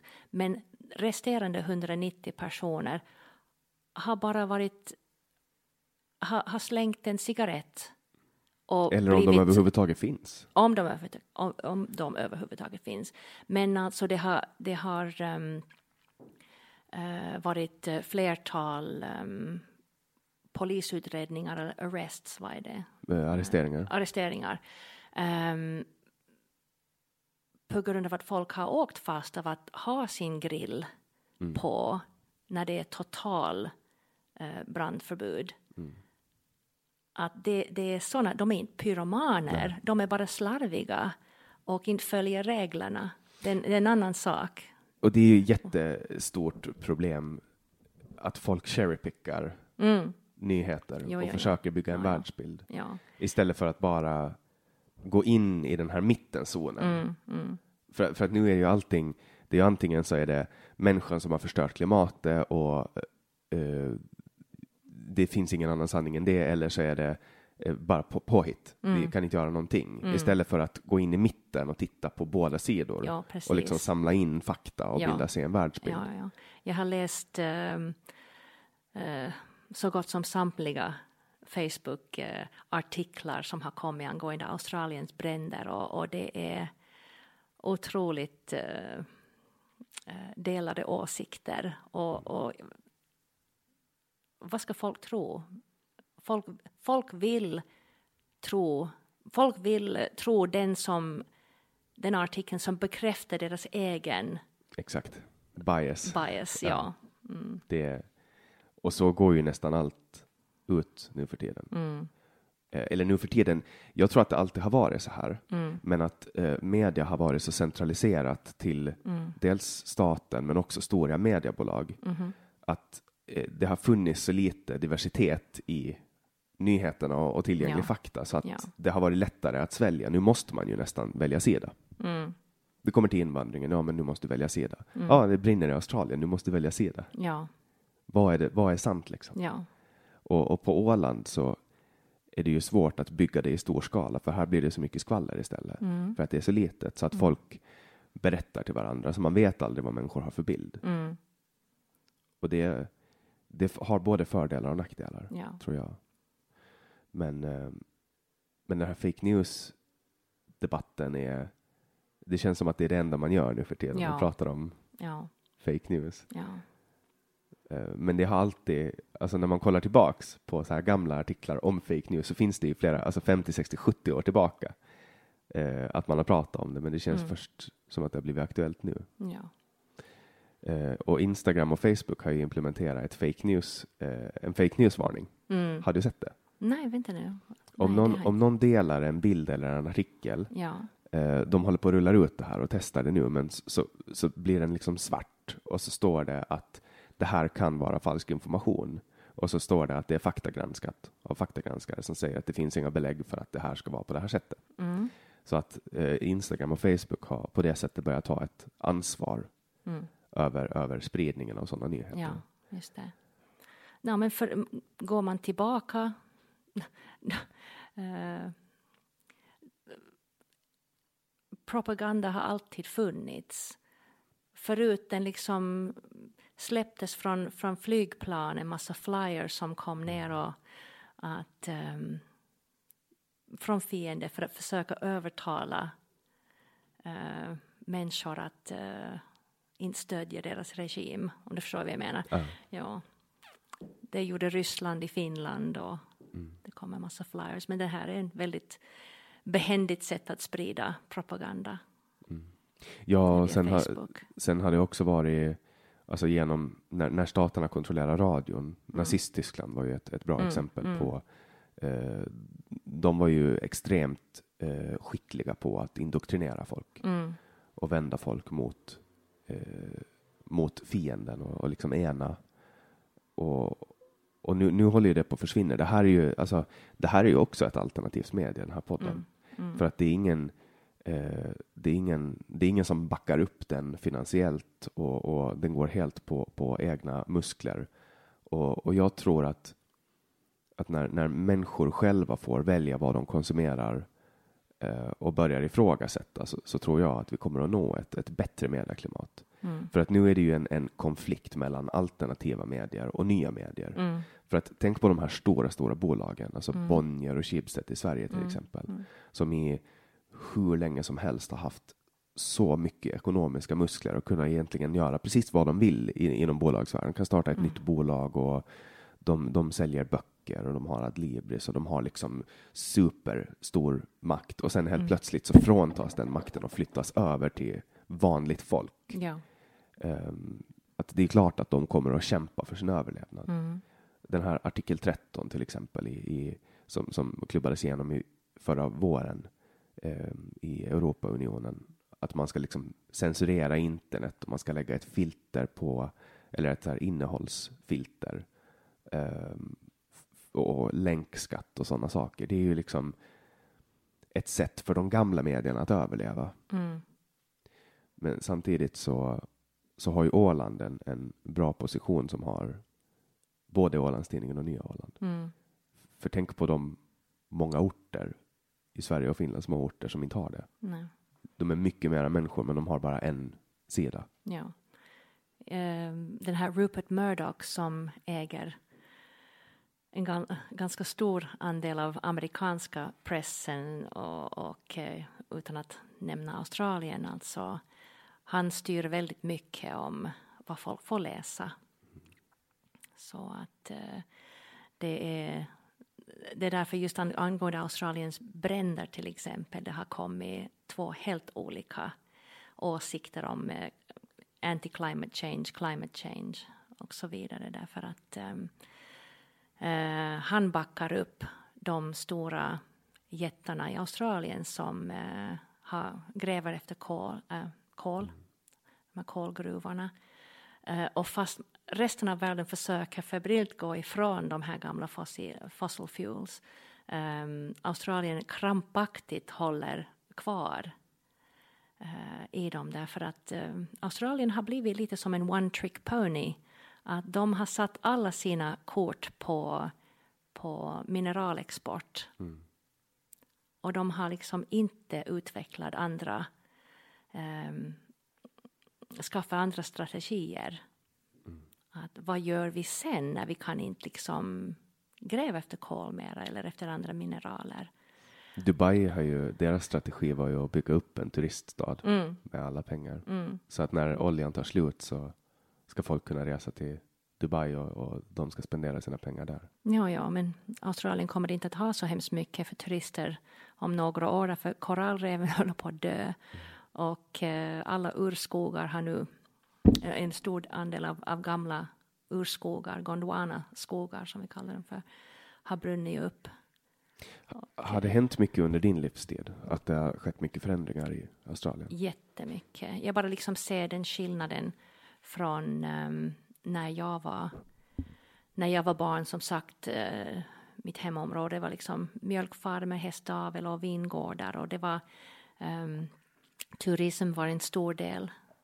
Folk kom till vingårdarna för att uh, smaka vin. Min syster jobbade på vinprovningen och um, men uh, sen kolgruvorna har tagit upp mera, köpt upp alla vattenrättigheterna längs floden. De köpte upp alla mjölkfarmer för att få vattenrättigheterna. Uh, så det är som en stor cancer på landskapet. Det är jättedammigt och um, turismen har dött ut. Och det finns mycket kol i, i Australien. eller? Ja, Och den håller inte på att ta slut. nej. Det är ju ett... Det är ju tråkigt att, att folk fortsätter. Mm. Men sen en annan sak, alltså Australien, de har sålt jättestora eh, markområden till eh, kineserna. Så Australien är väldigt liksom eh, eh, har blivit lite övertagen av, av eh, kinesiska eh, bolagen. Och de är där och Okej. utvinner. Ja. Mineraler, typ. Ja, ja. Va- Och sen de är där och kan du förstå, hör och häpna, de odlar bomull. De odlar bomull. Odlar 2020. I Australien, den torraste, Där man måste, Det- för, där man måste föra till så mycket vatten. ja, Herregud. de har, eh, de har arrenderat enorma områden eh, i Queensland och det är vår största flodens, eh, the Murray-Darling system, eh, vattenupptagningsområde. Så all vatten som ska ehm, rinna genom Australien, genom the Murray Darling eh, flod, eh, eh, stora delar av det här vattnet samlas upp i stora dammar för att um, kineserna odlar bomull. alltså, det, liksom, vems idé var det där? Alltså det är så crazy. Och sen... Uh, och Australien alltså det, av alla ställen liksom? Av alla ställen. Och det är en um, ek, uh, total uh, ekologisk katastrof. Så flera av Australiens hamnar har arrenderat i hundra år framåt av kineserna. Varför har man valt, alltså för att de betalar så bra eller? De betalar så bra och sen det har varit, eh, far du till Sydney nu för tiden, jätte, jättestora områden, alltså det finns jättemycket inflyttande från, från uh, Kina. Mm. Um, stora eh, stadsdelar i, i Sydney, det är bara kineser. Hur, det är hur? de som har pengar. Och, ja. För, för kineser när, när de åker eh, utomlands så är de bland de sämsta på att eh, integrera sig. Mm. För att de håller ihop mm. så extremt bra. De startar mm. och de är ju otroligt företagsamma också. Mm. Nu, nu pratar jag jättesvepande mm, eh, mm. formuleringar, men startar framgångsrika företag, Kina-restauranger, pratar bara kinesiska hemma, mm, köper mm. bara av kinesiska importörer mm. och liksom i princip för sin näring på, mm. till och med inom restaurangbranschen så kommer de undan med att ha numror på menyn mm. och så bara skriver de upp numrorna. Alltså, så, så kineser har, har, i allmänhet svårt att integrera sig. Mm.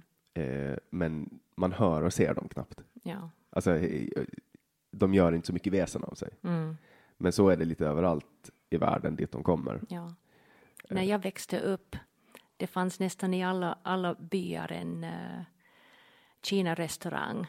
Uh, och uh, kineserna för 50 år sedan, alltså de var människor som du och jag utan stor kapital, alltså de bara kom för ett bättre liv i Australien och, och hade sina restauranger och jag har en förfluten i restaurangbranschen. Jag jobbade för Ming's Chinese Restaurant i min, i min hemby som tonåring på, på helgerna.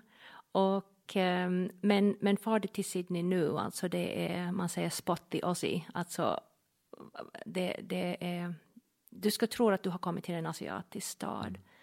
Uh, man, jag har märkt en enorm skillnad från, från um, när jag har varit tillbaka. Och så det, det, det är liksom samma som, som folk beskriver i Sverige, mm. bara det att det är andra eh, grupper, mm. nationaliteter som mm. har mm. flyttat dit. Ja. Det är ju ingenting, det som händer i Sverige är ju ingenting som är ovanligt. Nej. Alltså att det flyttar jättestora eh, delar av en, eh, i proportion till ursprungsbefolkningen, att det mm. flyttar stora delar. Mm. Det är ju ingenting nytt nej. att det händer, men nej, nej. Eh, har du varit i Kina någon gång? Nej, det har jag inte. Det är ett, alltså, man märker verkligen vilken, hur långt ifrån vår egen kultur det är. Mm. Det är liksom så in, in, in i de grundläggande sakerna som handgester, helt mm. olika. Men uh, det, det, jag märkte när jag var i, i Kina är att deras mat får mig att må väldigt, väldigt bra. Mm. Älskar Kina-mat. Ja, det är, ja. De, de vet hur man ska ska göra. Verkligen. Så jag äter ju inget ris, men, men all den kyckling och mm. det kött jag åt och de, det, jag mådde bra där. Ja. Och även om de är, jag är jättekritisk till, till kommunism, men även om jag har liksom eh, har mina åsikter om det, så, så, när jag ser hur de lever och inser att Alltså när man försöker sätta sig in i deras perspektiv, alltså Kina är enormt. Mm. Och de kan resa vart de vill inom hela Kina. Mm. Eh, och de har samma valuta. De har samma språk. Eh, så att det är liksom, när vi sitter här i, i Europa och pratar om, om Kina så pratar vi ofta om att de är instängda och censurerade. Men, men det jag har sett av så här små barnfamiljer i Kina är att de, de verkar ganska oplågade. Förstår du vad jag mm. menar? Jo, ja. Alltså jag tror att man kan ha det bra eh, även om man är fängslad mm. och inte vet om att, att det finns fängelsegaller. Mm. Så, så, så kan man ändå, tror jag, ha det bra så länge man har en familj och, och känner sig liksom som att man gör någon, det finns en mening. Ja. Och det är väl kanske det som, som saknas mycket här, att vi har jättemycket eh, vi har jättemycket ekonomisk frihet. Vi, det finns ju liksom inga fattiga människor här. Mm. De som är fattiga enligt oss är de som tjänar eh, eller som, som får 900 euro i månaden på eh, bidrag. Och det är ju ändå ganska mycket pengar Mm. i förhållande till en, en fattig person någon annanstans i världen. Ja. Men att, att vårt perspektiv har liksom gått så långt ifrån det här med att man ska vara tillsammans. Ja. Familjetraditioner, typ att man, för kollar man på länder, det finns, om det är typ, jag har tagit det här exemplet många gånger, men jag tror att det är typ Grekland eller Italien eller någonting, så finns det eh, orter där eh, folkhälsan är jättebra. Alltså där folk lever superlänge. Och man har kollat på vad är det de äter, är det någonting i vattnet, är det någonting i luften, är det något i kulturen? Och där man har kommit fram till att det är människor som bor flera generationer Precis. i anslutning till varandra. Ja. Ja. Och då liksom blir den här mänskliga dynamiken uppfylld Ja. med att mamma och pappa är på jobb men mormor är hemma med barnen. Precis. Och liksom på det sättet. Nu outsourcar vi ju allt familjearbete. Ja, ja, ja. Och jag, alltså jag är en stor fan av eh, tanken att man ska ha ålderdomshem och dagis under samma tak. Man har uh, sådana här projektstället i Australien och andra länder och Holland brukar vara jätteduktig på att ha sådana um, Ja, de, fina modell. de är jätteprogressiva med Ja. typ dödshjälp och Ja, sånt. Ja, aktiv ja, dödshjälp. precis. Men just det där att, att, ehm, att genom att vi har kommit så ifrån att man har flera generationer under samma tak att ehm, och till exempel för Kalle och jag, hans föräldrar på fastlandet, ehm, mina föräldrar på andra sidan av världen, att vi hade bara vår lilla kärnfamilj här. Och ehm, ja, så jag skulle ha velat ha haft äldre människor kring mina barn.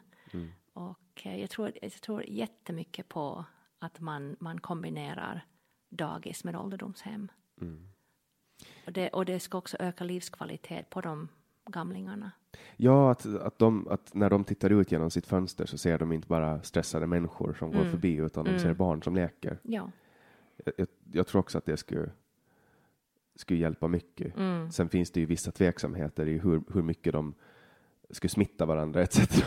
Ja, Alla vet ju hur det är med barnföräldrar, småbarnsföräldrar vars barn börjar på dagis. precis. Ja. Eh, Influensa hela tiden, Ja. fram och tillbaks. Men, Ja. men att, att liksom få höra den här energin. Det finns ju ingenting som är så eh, trevligt som att höra barn som leker. ja, Även om de skriker så är det Mm. liksom det är refreshing, man blir, man blir på bra humör. Du har alltid jobbat med fysioterapi. jo, det har jag. Och det är ju den del av sjukvården som behövs mest, men som eh, underskattas Ja, för det, mycket. Ja, det kan jag hålla med om. Vi, ibland blir det som en liten slasktratt också. För, för ehm, ja, vad ska vi göra med den här patienten? Ja, vi skriver en fysioterapiremiss. Och ehm, vi är också lite slasktratt när på grund av att eh, psykvården fungerar inte optimalt. Att det är många som eh, somatiserar, som mår psykiskt dåligt men, men ehm, jag vet inte om det är liksom brist på sjukdomsinsikt eller att det finns en stigma med psykvård. Att ingen vill liksom söka den rätta hjälpen. Att, eh, och de hamnar hos oss. Ehm, vi har vi är väldigt attraktiva på det viset att vi har tid med patienter. Så det är den här one-on-one som folk saknar och beröring.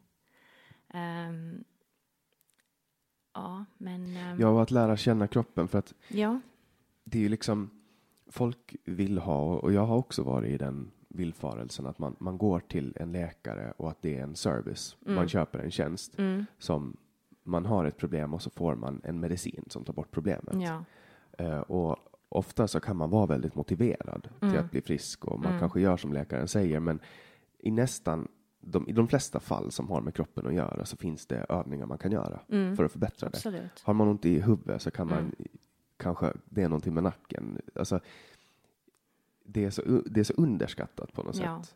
Och sen också det här med, det är ju verkligen mo- motivation som är nyckeln till Ja. fysioterapi. Det är så. Att vi måste få, den, vår största utmaning och vår största uppgift är att få folk att eh, göra det vi säger. Att, ehm, och i akuta fasen, det är liksom Panadol och Burana som hjälper. Jag har själv eh, drabbats av ett nackspärr. Eh, så att det, det är inte några övningar som man kan göra i det stadiet. Det är, det är så många patienter som kommer och säger Tänk, jag gick till läkaren och fick bara Panadol och Burana. och det är jättebra smärtcocktail för många saker och ting. Och det, man måste låta smärtan klinga av eller få smärtan under kontroll och sen kan man eh, börja beta av vad är problemet egentligen. Att är det på grund av att någon ehm, är det oftast det är hållningsrelaterat, det är ensidigt arbete eller ja, livsstilsproblematik. Att man bara helt enkelt inte rör sig tillräckligt. Ehm, men eh, Jag har ett exempel ur mitt eget liv. ja, berätta. Och det är när jag alltid haft problem med mina axlar Mm. så länge jag kan minnas. Eller det börjar väl, det börjar väl när jag var liten. Mm. Och det var ett dag, alltså när jag var i 18-19 års åldern, där det var riktigt jobbigt. Jag kunde inte lyfta mina armar Mm. Ja, överhuvudtaget. precis. Ja. Och, och knäna var också dåliga. Och, och då gick jag till läkare och de var så här, ja men du har, det är liksom inflammationer i, i axlarna. Att vi, Mm.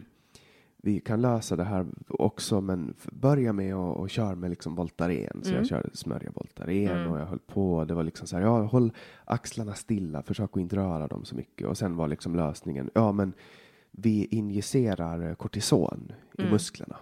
Det är ett mycket smärtsamt ingrepp, men det här kommer nog att hjälpa. Mm. Och då var det så här, eh, men jag litar på det de sa jag tog liksom värktabletterna men det blev inte bättre. Och sen fick jag, fick jag idén när jag var i, Sver- i Sverige därför att min, min fästmös syster är sjukgymnast, Mm. fysioterapeut. Ja. Man ser fysioterapeut i Finland och sjukgymnast i Sverige va? Man har sagt eh, sjukgymnast i Sverige, men det börjar officiellt är det fysioterapeut nu Ja. för tiden. Ja. Men, men det är alltså samma sak, det är ingen... Samma sak, samma sak. Och, och hon, hon, hon sa så här, men kanske du ska gå till en sjukgymnast? Da. Så hon, hon, hon liksom kollar på min axel och hon bara, jag tror jag vet vad det är, men, men jag, och hon håller på att utbilda sig nu. Så hon, hon sa, jag, jag tänker ställa en diagnos på dig, men åk till en sjukgymnast. Så jag åkte till en sjukgymnast och så vred hon och vände på mina axlar och hon bara, "Ja, vi, vi, vi ses nästa vecka och så träffades vi nästa vecka och så fortsatte hon och så sa hon, ja, du har impingement i axlarna Mm. eh, och du är överrörlig. Mm. Här har du övningarna. Mm. Det här kommer att hjälpa. Mm. Och då helt plötsligt visste jag vad det var fel i axlarna. Ja. Så att när jag gick till en, eh, till en läkare, då var det så här, stå och klia sig i huvudet, så här, ja men det är liksom inflammerat, men vi kan skjuta in, vi tar den här sprutan och så skjuter vi in Mm. kortison. Istället för att gå till grundproblemet. Ja. Att det är någonting i mina axlar, jag förstår inte helt och hållet, men det är någonting som är i kläm. Ja. Och så blir det för tight, Mm. typ inne. Och, och det kan, kan hjälpas genom att man bygger upp grundmuskulaturen. Exakt, ja. Och det är så här ganska ett typexempel, det finns ju mycket värre exempel, Ja. men där en, en läkare eh, fastnar i sitt område. Mm. Att man, man vet jättemycket om mediciner, man vet jättemycket om hur kroppen fungerar, eh, men man har bara spåret, hur kan vi lösa det här medicinskt? Mm. Därför att mitt bord, är- jag är här för att skriva ut mediciner, Ja. istället för att bara liksom ta in hela den holistiska helhetsbilden. Ja, ja. Ehm, jo, vi alla eh, drabbas av det.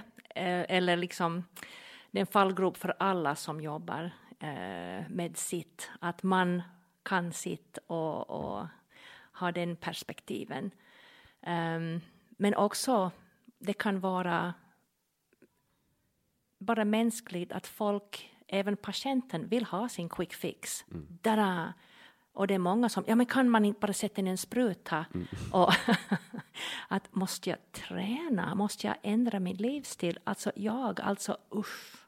Och så det är en stor del av mitt jobb att uh, lära patienten att klara sig utan mig. Att uh, lära patienten, ge, ge patienten verktyg att klara, uh, förstå sitt problematik och kan agera därefter. Det finns ju få saker som är så tråkiga som övningar man får av en sjukgymnast. No, nej. Men det är ju ingen action, det händer ju ingenting. Ja, ja. Men jag är också bara en människa. Alltså jag, jag är så grundlad till min uh, natur så att uh, några hemövningar gör jag, in, jag inte. Jag måste uh, bara hålla mig själv tränad hela tiden. Och, mm. och helst att jag ska leda gruppen för att det ska bli gjort. Jag måste vara där. Mm. Men, um, men där, där, kan jag inflika med en intressant grej. Jag har just uh, slutfört en vidareutbildning. Jag har senaste året gått fram och tillbaka till Tammerfors och uh, utbildat mig till en, um, det är en specialitet inom fysioterapi för uh, bäckenbottenproblematik. Okay. Och det är först på Åland egentligen. Att, uh, och det är en otroligt behövlig um, specialisering därför att uh, det är jättemånga som, som drabbas av problem.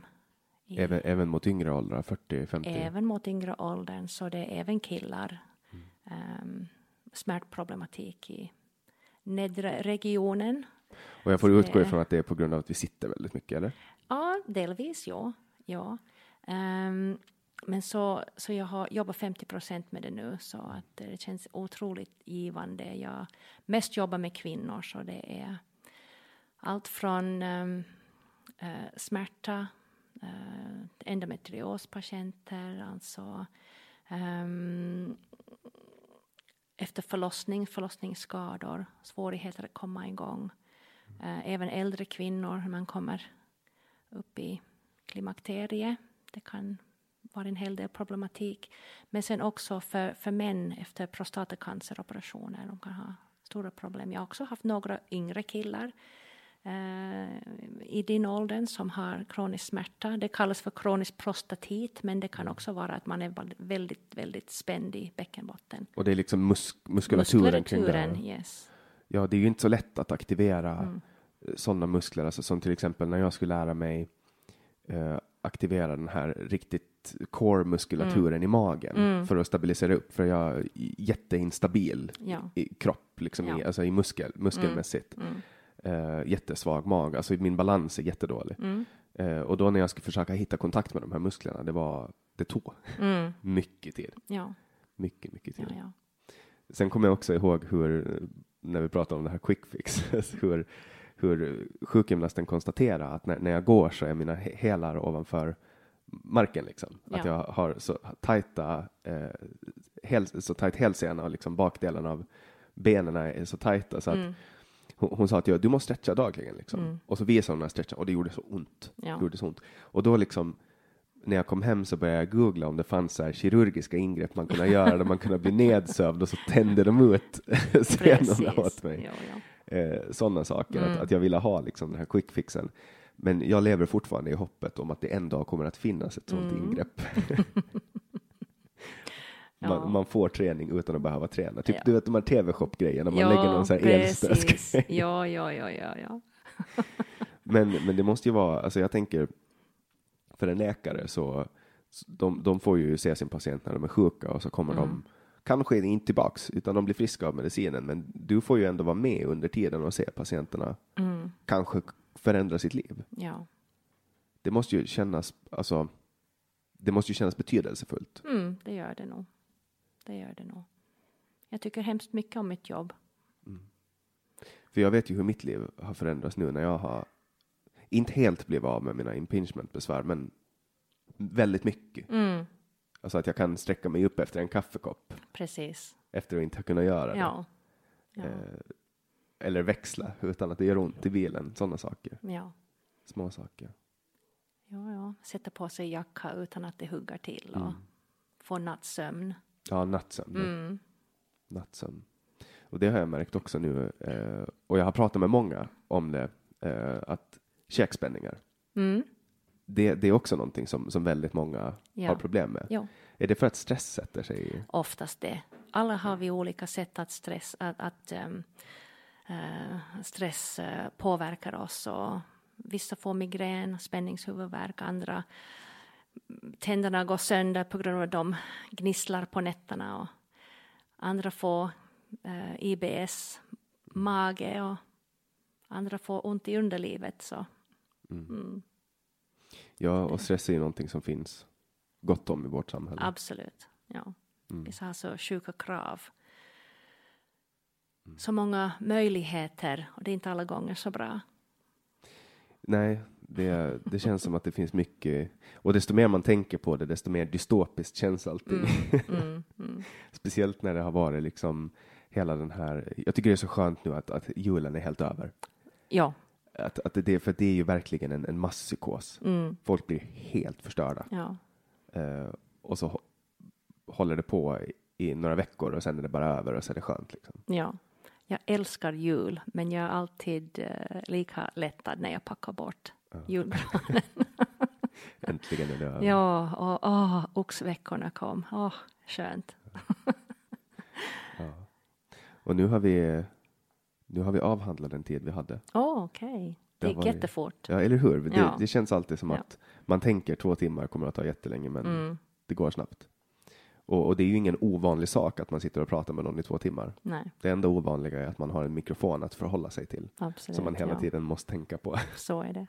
Men det har varit jättekul att ha dig här. Mm, tusen tack. Tusen tack för att Ja. du kom och till alla er som har lyssnat ända hit så tackar vi jättemycket för att ni har varit med oss och ni vet att ni kan hitta alla våra samtal på vår hemsida eller på alla olika plattformar som finns som Spotify eller Acast eller iTunes eller Google Podcasts eller var du nu än råkar befinna dig. Kan alltid höra av dig med tips och önskemål om gäster och numera så kan du också donera valfri summa till det här projektet via Patreon på patreon.com samtal. Alla pengar går till driften och utveckling av det här i övrigt ideella projektet.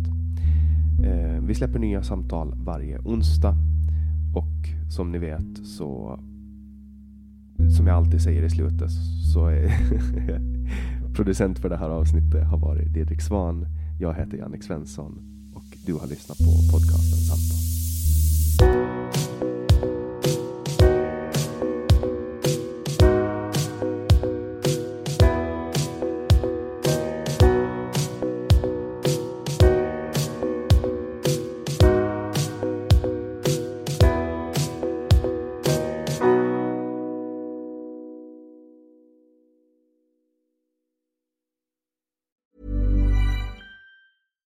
Mom deserves the best, and there's no better place to shop for Mother's Day than Whole Foods Market. They're your destination for unbeatable savings, from premium gifts to show-stopping flowers and irresistible desserts. Start by saving 33% with Prime on all body care and candles. Then get a 15-stem bunch of tulips for just $9.99 each with Prime. Round out Mom's menu with festive rosé, irresistible berry chantilly cake, and more special treats. Come celebrate Mother's Day at Whole Foods Market. Want flexibility? Take yoga. Want flexibility with your health insurance? Check out United Healthcare Insurance Plans. Underwritten by Golden Rule Insurance Company, they offer flexible, budget friendly medical, dental, and vision coverage that may be right for you. More at uh1.com. Planning for your next trip? Elevate your travel style with Quince. Quince has all the jet setting essentials you'll want for your next getaway, like European linen, premium luggage options, buttery soft Italian leather bags, and so much more. And it's all priced at 50 to 80% less than similar brands. Plus, Quince only works with factories that use safe and ethical manufacturing practices. Pack your bags with high-quality essentials you'll be wearing for vacations to come with Quince. Go to quince.com slash trip for free shipping and 365-day returns.